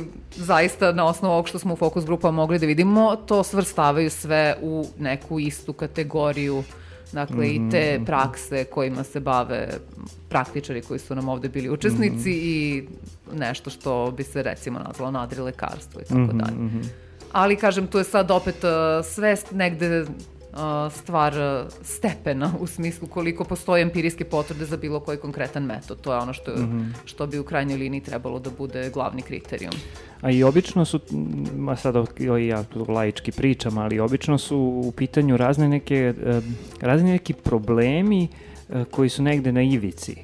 Znači koji nisu toliko dobro ispitani i tako dalje. Tu je onda ja imam ucek prostor da se s- svašta nešto pretvori u alternativnu medicinu, čak iz onoga što bi mogla bude zvanična, ili e, da, znači imamo se kao da se tu negde igra na granici um, ne znam, uh, neizlečivih bolesti, na primer, ili nekih bolesti koje nisu baš jasno um, detektabilne, o- jasno opisive i tako dalje. Imam ucek da je to jedno onako polje, brisani prostor i za jedno i za drugo na neki način i mm, da, da. Pa, mislim, čini mi se si u pravu i, i to smo i rekli da se mnogi ljudi okreću ovim alternativnim metodama kada iscrpe sve što im se nudi zvanično, mm -hmm. to je jedan scenario. Drugi je da što je bolest nekako uh, um, mutnije simptomatologije i što nije uh, jasno uh, šta je tačno tretman koji je 100% efikasan, nego i medicina tu malo luta. Onda što je bolest više stigmatizovana. O mm -hmm. tome su isto govorili mm -hmm. lekari da su pacijenti skloni da se toga ma, tome manje pridržavaju terapije. Mm -hmm. Pogotovo o, lekari iz oblasti psihijatrije recimo su govorili o tome e, kako uh, psihijatrijske lekove, kada im se tako predstave, ljudi izbegavaju da, mm -hmm, da, mm -hmm, da koriste, dok recimo neurološke koji mogu biti i da kažemo i opasniji i voditi više, imati više nus efekata, prihvataju, mm -hmm. uh, oni to tumače kroz tu stigmatizaciju, stigmatizaciju bolesti. Sad samo bi još mali otklon da uh, dakle, napravimo neku, da izgradimo, izdubimo neku poziciju ovde kada je reč o tome koliko poverenja treba davati, uh, uh, da kažemo, savetima zvanične, zvanične medicine. Činjenica je da se i te preporuke menjaju, jeli? I uh, ljudi uh, uh, to često doživljavaju kao signal da nešto nije u redu. E, mm -hmm. Tu je recimo važno komunicirati e, e, da je dozvoljeno da se nešto menja, samo je važno da se menja pod teretom, da kažemo, dokaza. Tako da mm -hmm. se mhm. to recimo ne tumači kao nedoslednost, nego kao zapravo razvoj, jel? Da, da, da. I ako ljudi nemaju tu vrstu očekivanja, često im ni lekari ne grade takva očekivanja, onda im nego daju neke apsolutističke mhm, preporuke mm -hmm. i slično. Znači, ako je komunikacija takva, rigidna, binarna, onda ljudi izgrade ta pogrešna očekivanja koji onda vode naravno, u razočarenje, da, da. jel? Isto tako bilo je stramputica i u zvaničnoj medicini, lečilo se i živom i pijavicama i dakle i teškim metalima drugim. E, dakle, ne, jednostavno i, i, i, i tu ima bilo i zloupotrebe, ne znam, sad su, eto je, možda se najviše gleda u tu zapadnu medicinu kada je reč o mogućnostima zloupotrebe, ali ne znam, imate onu Tuskegee study u kome su uh, pratili jednu populaciju koja je bila inficirana sifilisom sa idejom da se vidi kakav, kakve posledice ima ra, dugoročni razvoj sifilisa. Tokom tog praćenja pojavili su se antibiotici kao lek uh, i oni nisu primenjeni na tu, na tu populaciju. To je da igrom slučaja. Da bi se pratila populacija. Tako je, Aha. da bi se pratio taj razvoj uh, jeli, da. bolesti. Da. Uh, Neetički. Jeste jedno hermetičko, jedno hermetičko odlučivanje, ono što je dodatno problematično, to se dešavalo u Americi, što je to bila populacija ruralna crdačka, koja je bila najpogodnija u smislu ranjivosti i moći koju nije mm -hmm. imala i dakle tu se negde traže korijeni tog, da kažemo, nepoverenja i sklonosti nečemu što se nekad zove konspiracionizam, ali deo toga je stvarno utemeljen na nekim zloupotrebama mm -hmm. koje su se koje su se javljale, jel? Mm -hmm. Tako da u tom smislu ne bih da uh, gradimo neku priču nepogrešivosti zvanične medicine, nego naprotiv o, o pogrešivosti, ali i ispravljivosti. Jel? I, dakle, mm. i pod kakvim informacijama se uh, uh, koriguje i zašto je važno i biti otvoren za, za, za tu vrstu informacija i uh, uh, ali tražiti postaviti standard toga šta je šta je dokaz, šta je dovoljan dokaz i šta nešto što je do sada važilo uh, može da tako da kažemo pobije i uh, da, da, da signalizira da to više ne važi. Pa i ono što je isto nekako u glavama većine ljudi što ja imam utisak je da uh, kada odeš kod lekara, znači postoji neka procedura, neki recept, neka međunarodna klasifikacija bolesti, simptomatologija i tako dalje. I to sve tako ono, neka šema u suštini na osnovu koje ti kad dođeš sa nekim simptomima prođe se kroz tu šemu i ti dobiješ neki lek koji tebi treba da pomaže i sad ne znam ljudi očekuju to će sada da mi pomogne uh, međutim to je nešto što je samo ja imam utisak uh, neophodno jer ne može se ići na ono potpuno personalizovanu medicinu, bar ne, bar ne još uvek. I onda imam ucak da ljudi ili s jedne strane mnogo očekuju, od, od te forme i tako dalje, ili uopšte ne veruju toj formi, uh, odu kod lekara i kažu ma šta on je meni tamo pogledao, ne znam, u nekoj knjizi tri ne znam, odgovorio na tri pitanja za moje simptome i sad će meni pomaže, ne znam, paracetamol ti koja si potpuno drugačija ovaj, uh, fiziološke šta god imaš drugo, drugo zdravstveno stanje tebi isto dao paracetamol i tebi je isto dao paracetamol. Kako to sad ono nas tri različite osobe svima daje paracetamol? Uh, Da, pa Jel, mislim, da. ima da, osnova u tome, da. ali evo, može Danka da kaže da. kako i, i komunikaciji komunikacijno taj individualizovan pristup mm -hmm. zapravo prija ljudima i kako to nekako je na strani ove mhm. nezvanične medicine, zbog mhm, čega je to tako Da, dakle, sami lekari su baš govorili o tome iz nekoliko uglova. Jedno je da su pominjali nocebo efekat. To je stvari suprotno placebo efektu, kada neko je uveren da mu određeni lek neće pomoći mm -hmm. i onda taj lek zaista mu i ne pomaže. Mm -hmm. To je recimo karakteristično bilo najviše za psihijatrijske pacijente. A takođe govore o tome da ljudi dolaze baš to što si i ti pomenuo sa nerealnim očekivanjima i sa očekivanjem da će da dobiju neki sad magični recept da se sve odjednom reši, da često postoje situacije kada ljudi imaju više struku i simptomatologiju i više nekih stanja koja paralelno treba lečiti, pa onda odlaze kod različitih lekara, a na kraju imaju utisak da im niko nije od tih mm -hmm, lekara mhm, pomogao. Mm -hmm ali a, isto je zanimljivo da a, naravno ovaj personalizovani pristup i holistički pristup koji se neguje u okviru alternativne i komplementarne medicine, dakle on upravo je suprotan tome, dakle tu a, praktičari dosta razgovaraju Mm -hmm. sa svojim uh, pacijentima, vide sebe i u nekoj ulozi edukatora, gde u stvari je pacijent taj koji na kraju dovodi do promene, a oni su tu da nekako ga podrže u putu do mm -hmm, ozdravljenja, mm -hmm. tako što će skrenuti pažnju na neke stvari koje su tu važne da se nešto osvesti, čak pomalo deluje kao neka vrsta psihoterapijskog da, da, da. rada ali pošto oni pretpostavljaju da su psihološki uzroci važni u nastanku bolesti, onda se to isto lepo uvezuje.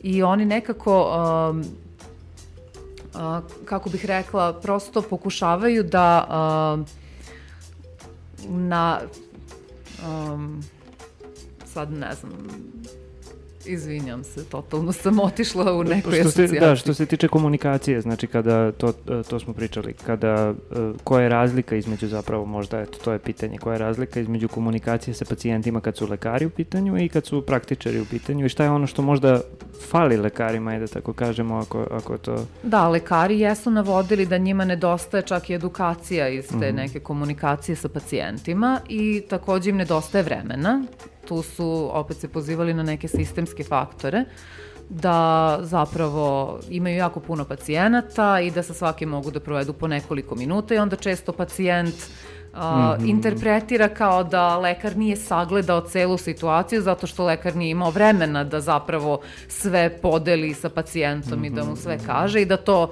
je naročito slučaj kod nekih specijalista koji su veoma opterećeni. S druge strane, praktičari komplementarne alternativne medicine deluje da više po, prosto polažu na to i da a, kažem opet, s obzirom na to da je holistički pristup, oni upravo i pokušavaju da saznaju sve informacije koje misle da bi mogle biti relevantne i da više mm -hmm, razgovaraju mm -hmm, sa mm -hmm. pacijentima o tome i o tome šta oni misle da je izazvalo neki problem i kako ga rešiti. E, što će reći da to možda ima zapravo a, efekta u tome da u stvari to je, to je neko moje sledeće pitanje, a ve, to vezano je za um, kako smo rekli, nepoštovanje, ne, nepodvrgavanje, kako smo, kako smo rekli? Nepridržavanje. Nepridržavanje. Nepridržavanje preporukama. A pitanje je da li možda zbog tog holističkog i personalizovanog pristupa su oni ljudi koji odlaze kod uh, praktičara manje skloni da se ne pridržavaju uh, preporukama praktičara nego nego ljudi koji odlaze kod lekara. Odnosno, samim tim što... Uh, Misliš da oni imaju manji problem sa nepridržavanjem, praktičari? Da, ne, ne pre, uh, pa ljudi koji su pacijenti kod praktičara. Ja sad tu pravim neku, odnosno, Da, malo sam Da, se da, možda ja mislim da Da, zapetljao. da, da, Da, pa da. to, da znači praktičari Dakle, se ljudi- manje u svojoj praksi susreću sa tim da se neko kome su oni preporučili tretman ne pridržava. da. A, to je jedno pitanje koje smo onako tek načeli na fokus grupama, nismo se previše u to udubili. A, meni se čini da oni isto nekada govore o pacijentima sa kojima je potrebno više i duže raditi, da iako dođu kod njih a, pacijenti sa problemom, kao da ipak negde implicitno i dalje imaju otpor prema tim metodama, pa onda je potrebno malo više objašnjavanja ili tako nečega. Tako da nisam stekla utisak da je kod njih baš isto neka stoprocentna sad uh, stopa pridržavanja. Ali verovatno jeste ako se neko već odlučio za određenu metodu da će se onda i pridržavati tih preporuka. A jel ste razgovarale sa, znači u- fokus grupama sa lekarima i praktičarima, kakav odnos oni imaju prema tom nepridržavanju njihovim? Pa ljuti ih to. Pa da. Žele da I se ljudi. I jedni i drugi, Da. Da, da, naravno. da.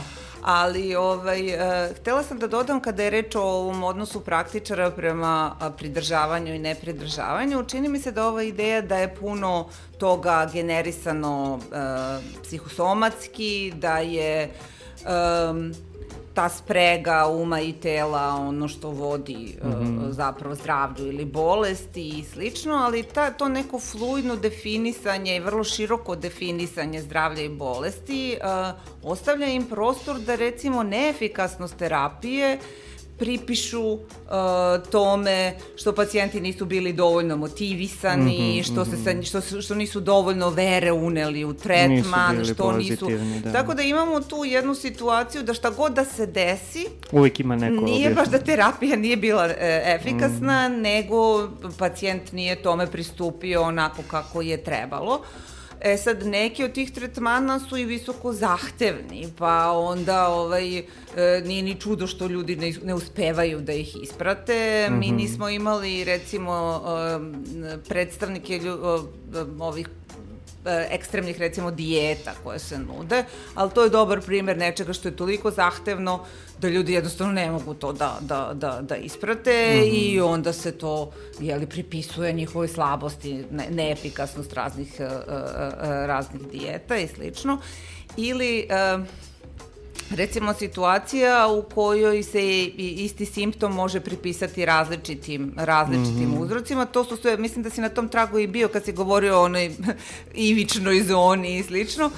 Što god je nejasnija simptomatologija, što god su nejasniji uzroci, što, što više ljudi moraju da gledaju u svoje telo i interpretiraju signale i slično, tu je veći prostor da ovaj, e, e, o- se oni okrenu ovoj alternativnoj medicini i onda i tu da ili veruju da su izlečeni ili da, da, da veruju da treba još da se potrude da bi bili izlečeni, što nekada u nekim scenarijama oduzima vreme da se bave nekim drugim stvarima koje bi za njih recimo bile, bile korisnije. Neki ostanu zarobljeni u tom večnom lupu e, probanja raznih alternativnih stvari ili većeg truda u raznim alternativnim. Tako da je u tom smislu, e, e, kako da kažem, oni na neki način praktičari e, e, motivišu ljude da, da, se, da se pridržavaju i interpretiraju im Eto, ako se ne pridržavaju, kakve to ima posledice. A samo da još uh, uh, ilustrujem snagu ovog noceba, koja je meni bila u jednom čitanju uh, baš neverovatna. Znači, u, u svim uh, testiranjima vakcina imamo one koji dobiju vakcinu i one koji dobiju ili fiziološki rastvor ili neku drugu vakcinu za neku drugu bolest koja ne izaziva neke nus efekte. I u tim kontrolnim grupama i ovim što su dobile fiziološki raz, uh, rastvor bilo je reakcija na vakcinu vrlo, mislim, bravo, lažno, jeli, na fiziološki rastvor, vrlo negativnih, uh, do visokih temperatura koje su prijavljivali, dakle, čak i nekih nedvosmisleno fizioloških reakcija, a mnogo još više ovih žaljenja na bolove, glavobolje, osipe i razne druge stvari, od kojih su neke, da kažemo, oni meki pokazatelji, recimo, eto, neko može da ima utisak da ga nešto boli ili da je umoran ili da nema snage, ali baš da vidi osip ili izmeri temperaturu visoku kako da kažem, mm a mhm. sve se to obeležilo u ovoj kontrolnoj grupi. Znači, ne treba ošte zanemarivati. Koja, koja zapravo ne bi trebalo da ima nikakve... Pa misli, dobila je da. fiziološki da, da, da. rastvor. Da, da. Tako da to kao reakcija na vakcinu nije očekivan. E sad, znači, samo to, uko, a, a da, da onda dodamo na to recimo sklonost da se sve što sledi vakcini interpretira kao posledica vakcine. Mm -hmm. Pa da, mhm. dakle, sve to, svi ti mehanizmi na koji mi nekako interpretiramo događaje ne idu u prilog uh, u ovom slučaju recimo uh, evaluaciji efekta nekog leka i sad to je sve nešto sa čime se susreću ljudi koji su, pokušavaju nekome da pomognu, mm -hmm, jeli, i daju mu mhm. neki tretman koji bi njemu trebalo da pomogne. Kako će, sa, sa kakvim predubeđenjima će neko doći uh, i, i uzeti taj tretman, u mnogome oblikuje ono kako će on da delovati. Da, da, da, da. I sad i jedni i drugi su toga svesni i uh, samo što su nekako lekari uh, kako da kažem više skloni da prosto zahtevaju poslušnost i saradljivost od strane svojih pacijenata, a ovi praktičari da izgrade neki taj odnos uh, u kome bi pacijenti verovali da im to nešto to nešto -hmm. pomaže. Mislim, samo opet da ne steknemo utisak da oni to rade svi oni naravno veruju u efikasnost svojih tretmana i tu uopšte nema zbora, dakle uh, mm -hmm. to je mhm. nekako jako očigledno iz onoga što govore. Uh, dakle, oni stvarno veruju, oni dolaze tu sa željom da pomognu ljudima i veruju da to što, što im nude jeste zaista, jeste zaista efikasno. Eto. Mm -hmm. Ali istovremeno nisu svesni toga odnosno mi, mi nekad misle da to nije ni potrebno, da se da, da, da, da, da je e, efikasno treba utvrditi i na druge načine, a ne samo kroz uh, to zadovoljstvo, zadovoljstvo ljudi. Da. da. Mm -hmm. A, dobro, imamo još nekih 15 minuta. Ja bih voleo da malo pričamo o, to, o pacijentima a, i da, ajde, možemo u stvari da krenemo da zaokružujemo epizodu time šta je sve još ostalo što ćete da radite, a jedna od stvari jesu pacijenti, a, odnosno ono što smo... Što Ili potencijalni pacijenti, tako reći svi. Da, da, svi mi. svi da, da, da. Hoćeš ti dan da objasniš neke, pa ću ja da uskačem.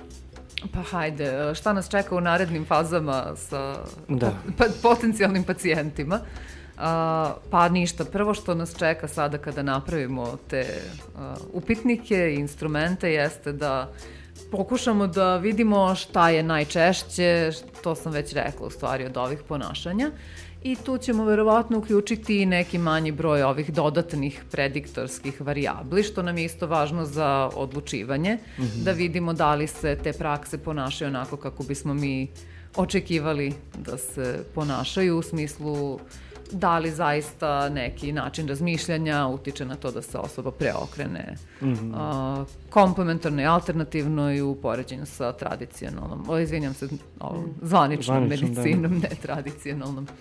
Tako da to je uh, jedna stvar. Uh, nakon toga uh, planiramo ovo uzorkovanje iskustva, gde Da, da, to, mislim, to mi deluje najzanimljivije zapravo i, i kao nešto gde će biti ko zna čega sve.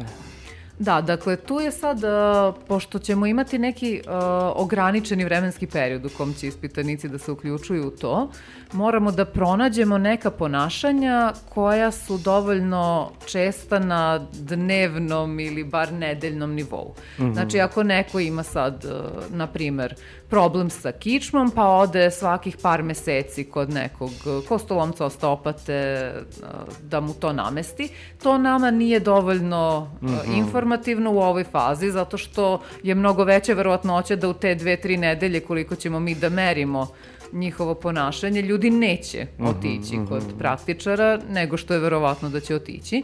Tako da tu pokušavamo sad da vidimo šta su neka ponašanja koja su dovoljno česta da mogu da se uključe na ovaj način.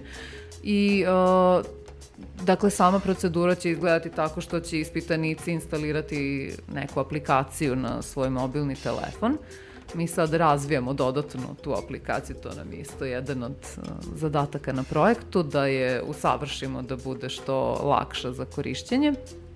i onda će im u nekim periodima u toku dana prosto iskakati notifikacije na telefonu da treba da odgovore na nekoliko kratkih pitanja i to sad moramo da se potrebno da budu to i kratka, ali i mm -hmm. informativna i tu ćemo onda da a, prosto pratimo kako se oni ponašaju u to svakodnevnom nekom kontekstu. Mm -hmm. Dakle, šta je to što ljudi zapravo rade iz dana u dan?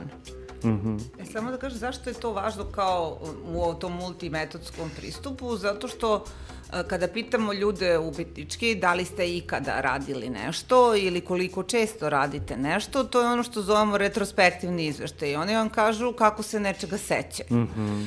I tu postoje razne greške koje su standardne za sve nas. Predcenjivanje učestalosti dobrih ponašanja, podcenjivanje učestalosti onih loših mm. ponašanja, E, zaboravljanje isto tako kao o, dobrih i loših strateški jeli, jednih a ne drugih e, i dakle sa svešću da ti retrospektivni izveštaji imaju te svoje manjkavosti onda pokušavamo da to pre, predupredimo tako što ćemo ljude često pitati mm -hmm. da nam mhm. kažu šta su radili u nekom vrlo kratkom periodu koji je tome prethodio i kako recimo šta rade u tom trenutku kada ih pitamo, mm -hmm. tako da uhvatimo i taj kontekst i onda imamo dakle jednu i drugu vrstu podataka. Manjkavost ove strategije često i e, e, aktuelno je to što, hva, kao što je rekla Danka, je to što hvatamo samo ponašanja koje jesu mm -hmm. tako mhm. dovoljno česta. A, a, I ceo korpus nekih koji bi nama bila zanimljiva zapravo nećemo uhvatiti, ali s druge strane ne pati u toj meri od ovog iskrivljavanja kao što pate ovi podaci kada ih pitamo prisetite se kad ste poslednji put ili koliko često radite nešto ili koliko ste puta u životu uradili mm -hmm, nešto. Mm -hmm to je stvarno podložno. Pa još ako je stigmatizovano neko ponašanje, onda neće ni, ni odgovoriti iskreno. Da, da mm -hmm. ljudi... Pa dobro, mi se nadamo ako bude anonimno da neće to predstavljati Aha. problem, ja planiramo da bude anonimno, ali prosto ljudi i sami sebe nekad obmanjuju i ne mogu da se sete. Mm -hmm. Tu mhm. postoji ta sklonost da se recimo zaokružuje na neke uh, kao okru, okrugle, po znacima navode brojeve, to može da bude i pet kao neki uh, mentalno aha, aha. okrugli broj, 10, 20, 100 Testirajte puta. na posao u raspodelu da vidite da li su lagali ili nisu. pa ne, nije da su lagali, ali prosto kao ako pitamo ljude koliko puta ste, ne da, znam, da, da, u poslednjih da, da. 12 meseci uradili da. nešto, da, da, da. malo ko će reći uradio sam 17 puta. Da, da, Pre će da. reći uradio sam 20 puta ili 10 puta. Da, da, da. Dobro, da, onda to... To su nekako razmišljamo u tako malo malo ipak um, u nekim koracima mhm, brojčanima, mhm. ne vrlo fino i precizno. Što ok, može i nama i to da bude informativno, ali zato hoćemo i sa druge strane da pristupimo tome, da aha, da dobijemo aha. i ove drugačije informacije. A i upravo si i ovo kao da postoji ta asimetrija između poželjnih i nepoželjnih, s tim što stvarno oklevamo da to tumačimo to ključu nas ljudi strateški lažu, mm -hmm. jer tu asimetriju hvatamo i kad su potpuno anonimne istraživanja, kad nema nikakve posledice od toga što kažu, kad to ode u neku anonimnu bazu nekih nepoznatih istraživača, stvarno nema motivacije, očigledno da je to potrebno da se gradi jedna stabilna i pozitivna slika o sebi. Mm -hmm. I sad teško je zapravo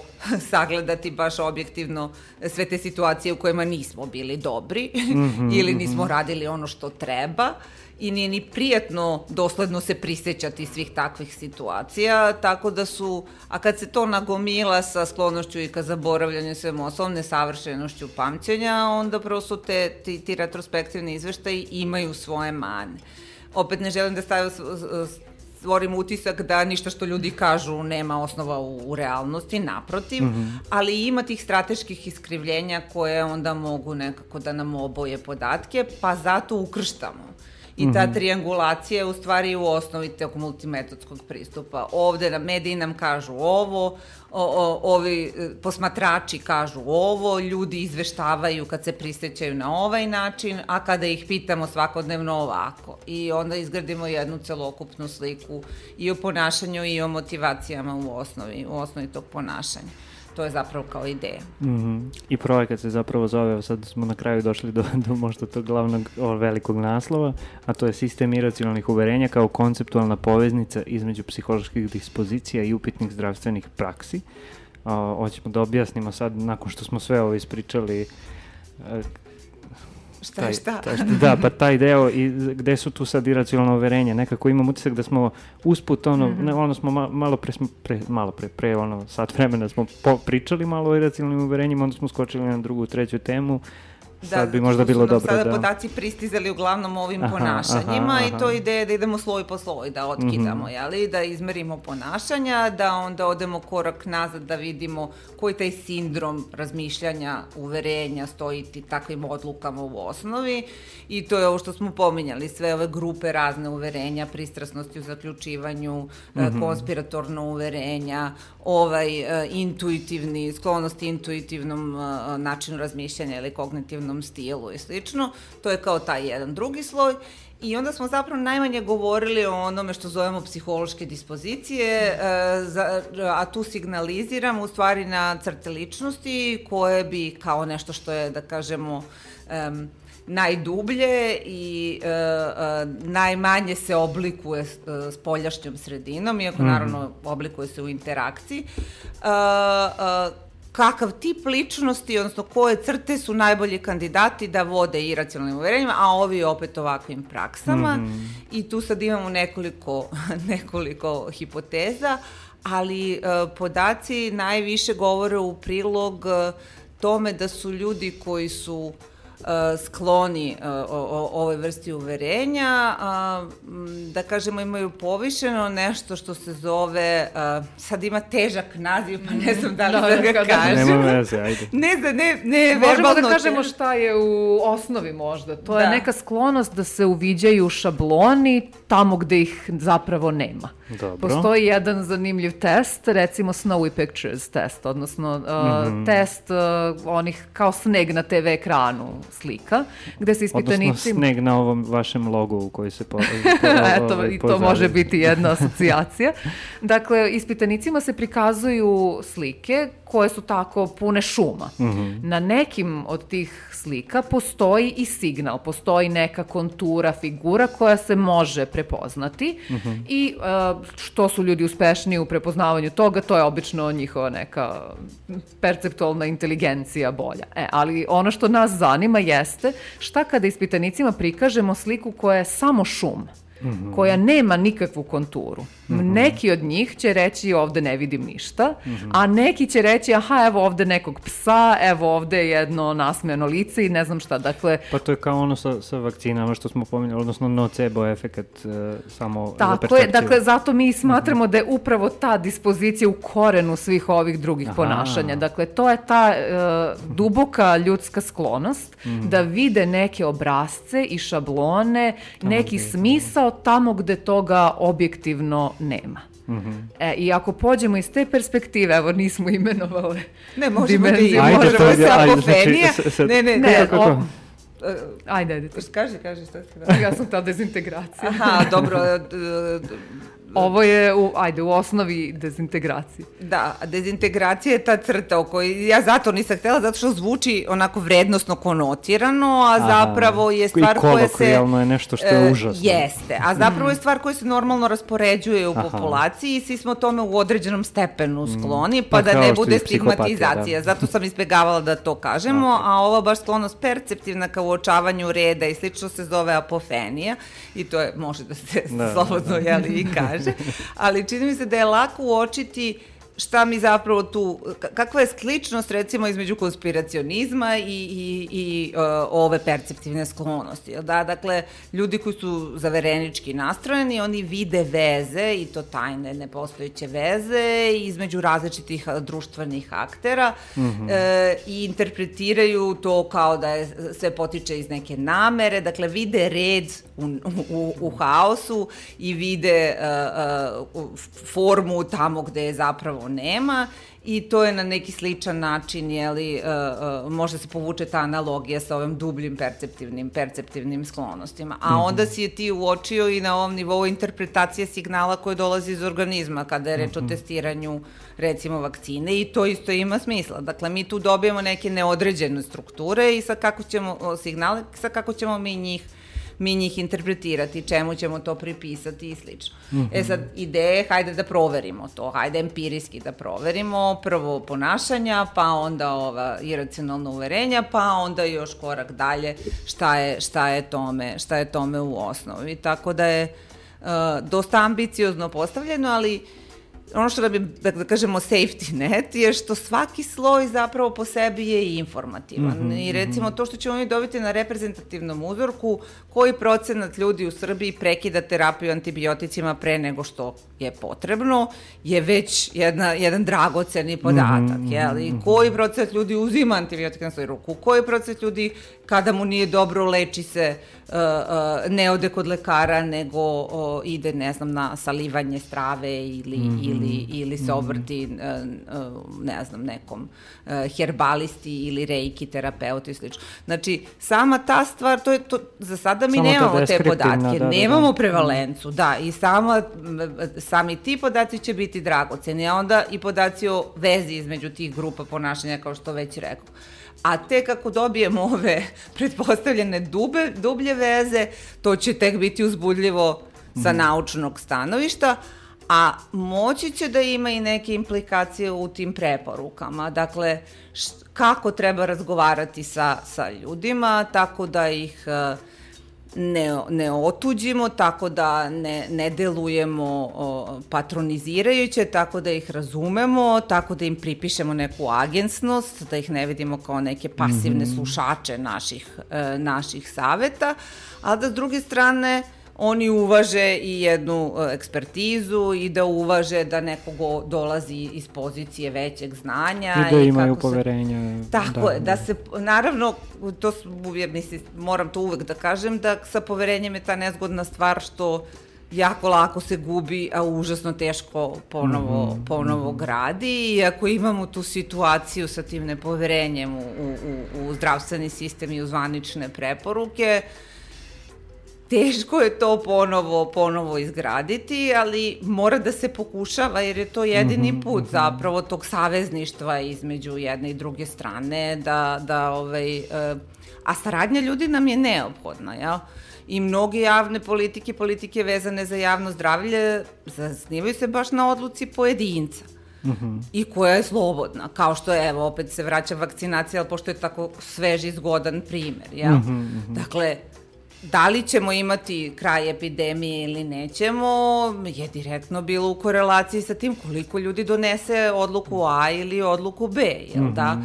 Dakle, uh, i kako će država da stimuliše A i B, jel? Kakav, kakve će tu sada politike doneti da ljude uh, mm -hmm. privoli da urade ono, ono, ono što... Uh, da se ne, ne, ne pridržavaju. Da se ne, ne pridržavaju, baš tako ali kao videli smo i sami da taktike tipa slušajte nas, glupi ste, da, ne, da. ne, bezobrazni ste i slično, dobro, malo banalizujem, ali stvarno se može, nezahvalni ste, one ne piju vodu, one da. mogu da izazovu i bumerang efekat. Mm -hmm. Tako da u tom smislu bolje razumevanje šta je u osnovi nekog ponašanja može da doprinese i pametnijoj komunikaciji, da kažemo, sa, mm -hmm. sa tim ljudima.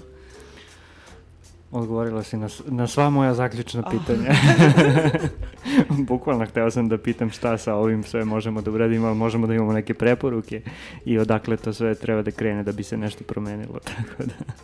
Pa da, da, to je prosto nekako bila ideja da ilustrujemo čemu mm -hmm. to sve služi mm -hmm. i kao i ne, ne zanosimo se mi naravno pričom da ćemo sve to uh, rešiti, mm -hmm. ali mi se čini da je to u toj meri neistražena oblast počevši od medija koji su, kažem, prilično neregulisani do o, nekomunikacije između lekara i praktičara ovih alternativnih i tradicionalnih metoda, i toga da ne znamo šta ljudi u stvari rade, još manje zašto nešto rade, kao svuda ima mesta da se nešto korisno nauči. A deluje kao da to znamo, kao da, znamo kako ljudi razmišljaju, kao da pa da znamo kako da... Svako, to što si rekao, psihologija je takva stvar da i uopšte generalno svako ima neke pretpostavke o tome kako je to u stvari i zašto je to u stvari, ali u skladu sa celim ovim motom projekta mm. trebaju nam podaci.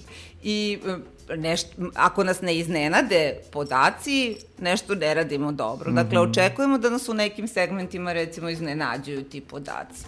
I e, vrlo je moguće da naša ideja o tome ovaj ne sluša, zato se okrenu ovome, u stvari Da Nije je to nezavisno, Da, na primjer. To da isto ta- može da se desi Tako. U kom smislu nezavisno? Pa prosto neka osoba će samo da se okreće alternativnoj, a istovremeno će da, ne znam, odstupa od preporuke zvanične, a neko će i jedno i drugo, neko, kako Aha, da aha, kažem, aha. dakle, Da nisu- moguće da, da, su da. sve kombinacije. Da, Da, da, mi smo sad nekako, iako smo to napomenuli kao na mogućnost na početku, uglavnom gradili sliku o nekome ko je ovo probao, pa se razočarao, pa je krenuo na ovo. Mhm. Da bismo lakše ilustrovali. Da bismo Da. nekako lakše razumeli, to je kako intuitivno pretpostavljamo da stvari rade, ali podaci mogu da se vrate i da budu sasvim Da, da, drugačiji, da, da, da. kažu većina ljudi hoće i jedno i drugo i gura i jedno i drugo i to je isto e, i to je isto tako informacija ili recimo kad smo radili analizu sadržaja e, uzeli smo kao jednu od kategorije da li se govori o dozi sa idejom odgovorno izveštavanje pre,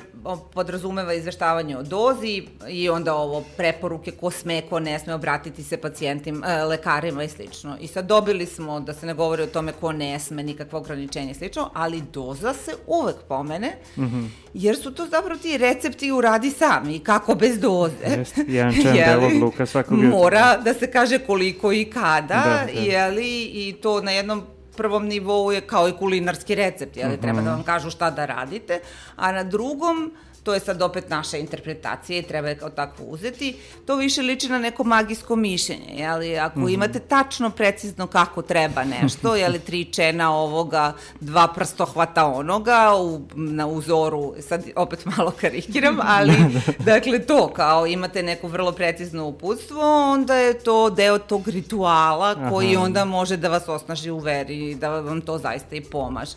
Tako da i tu su nas podaci iznenadili, na primjer, to je prvi korak. I to je nekako dobra stvar.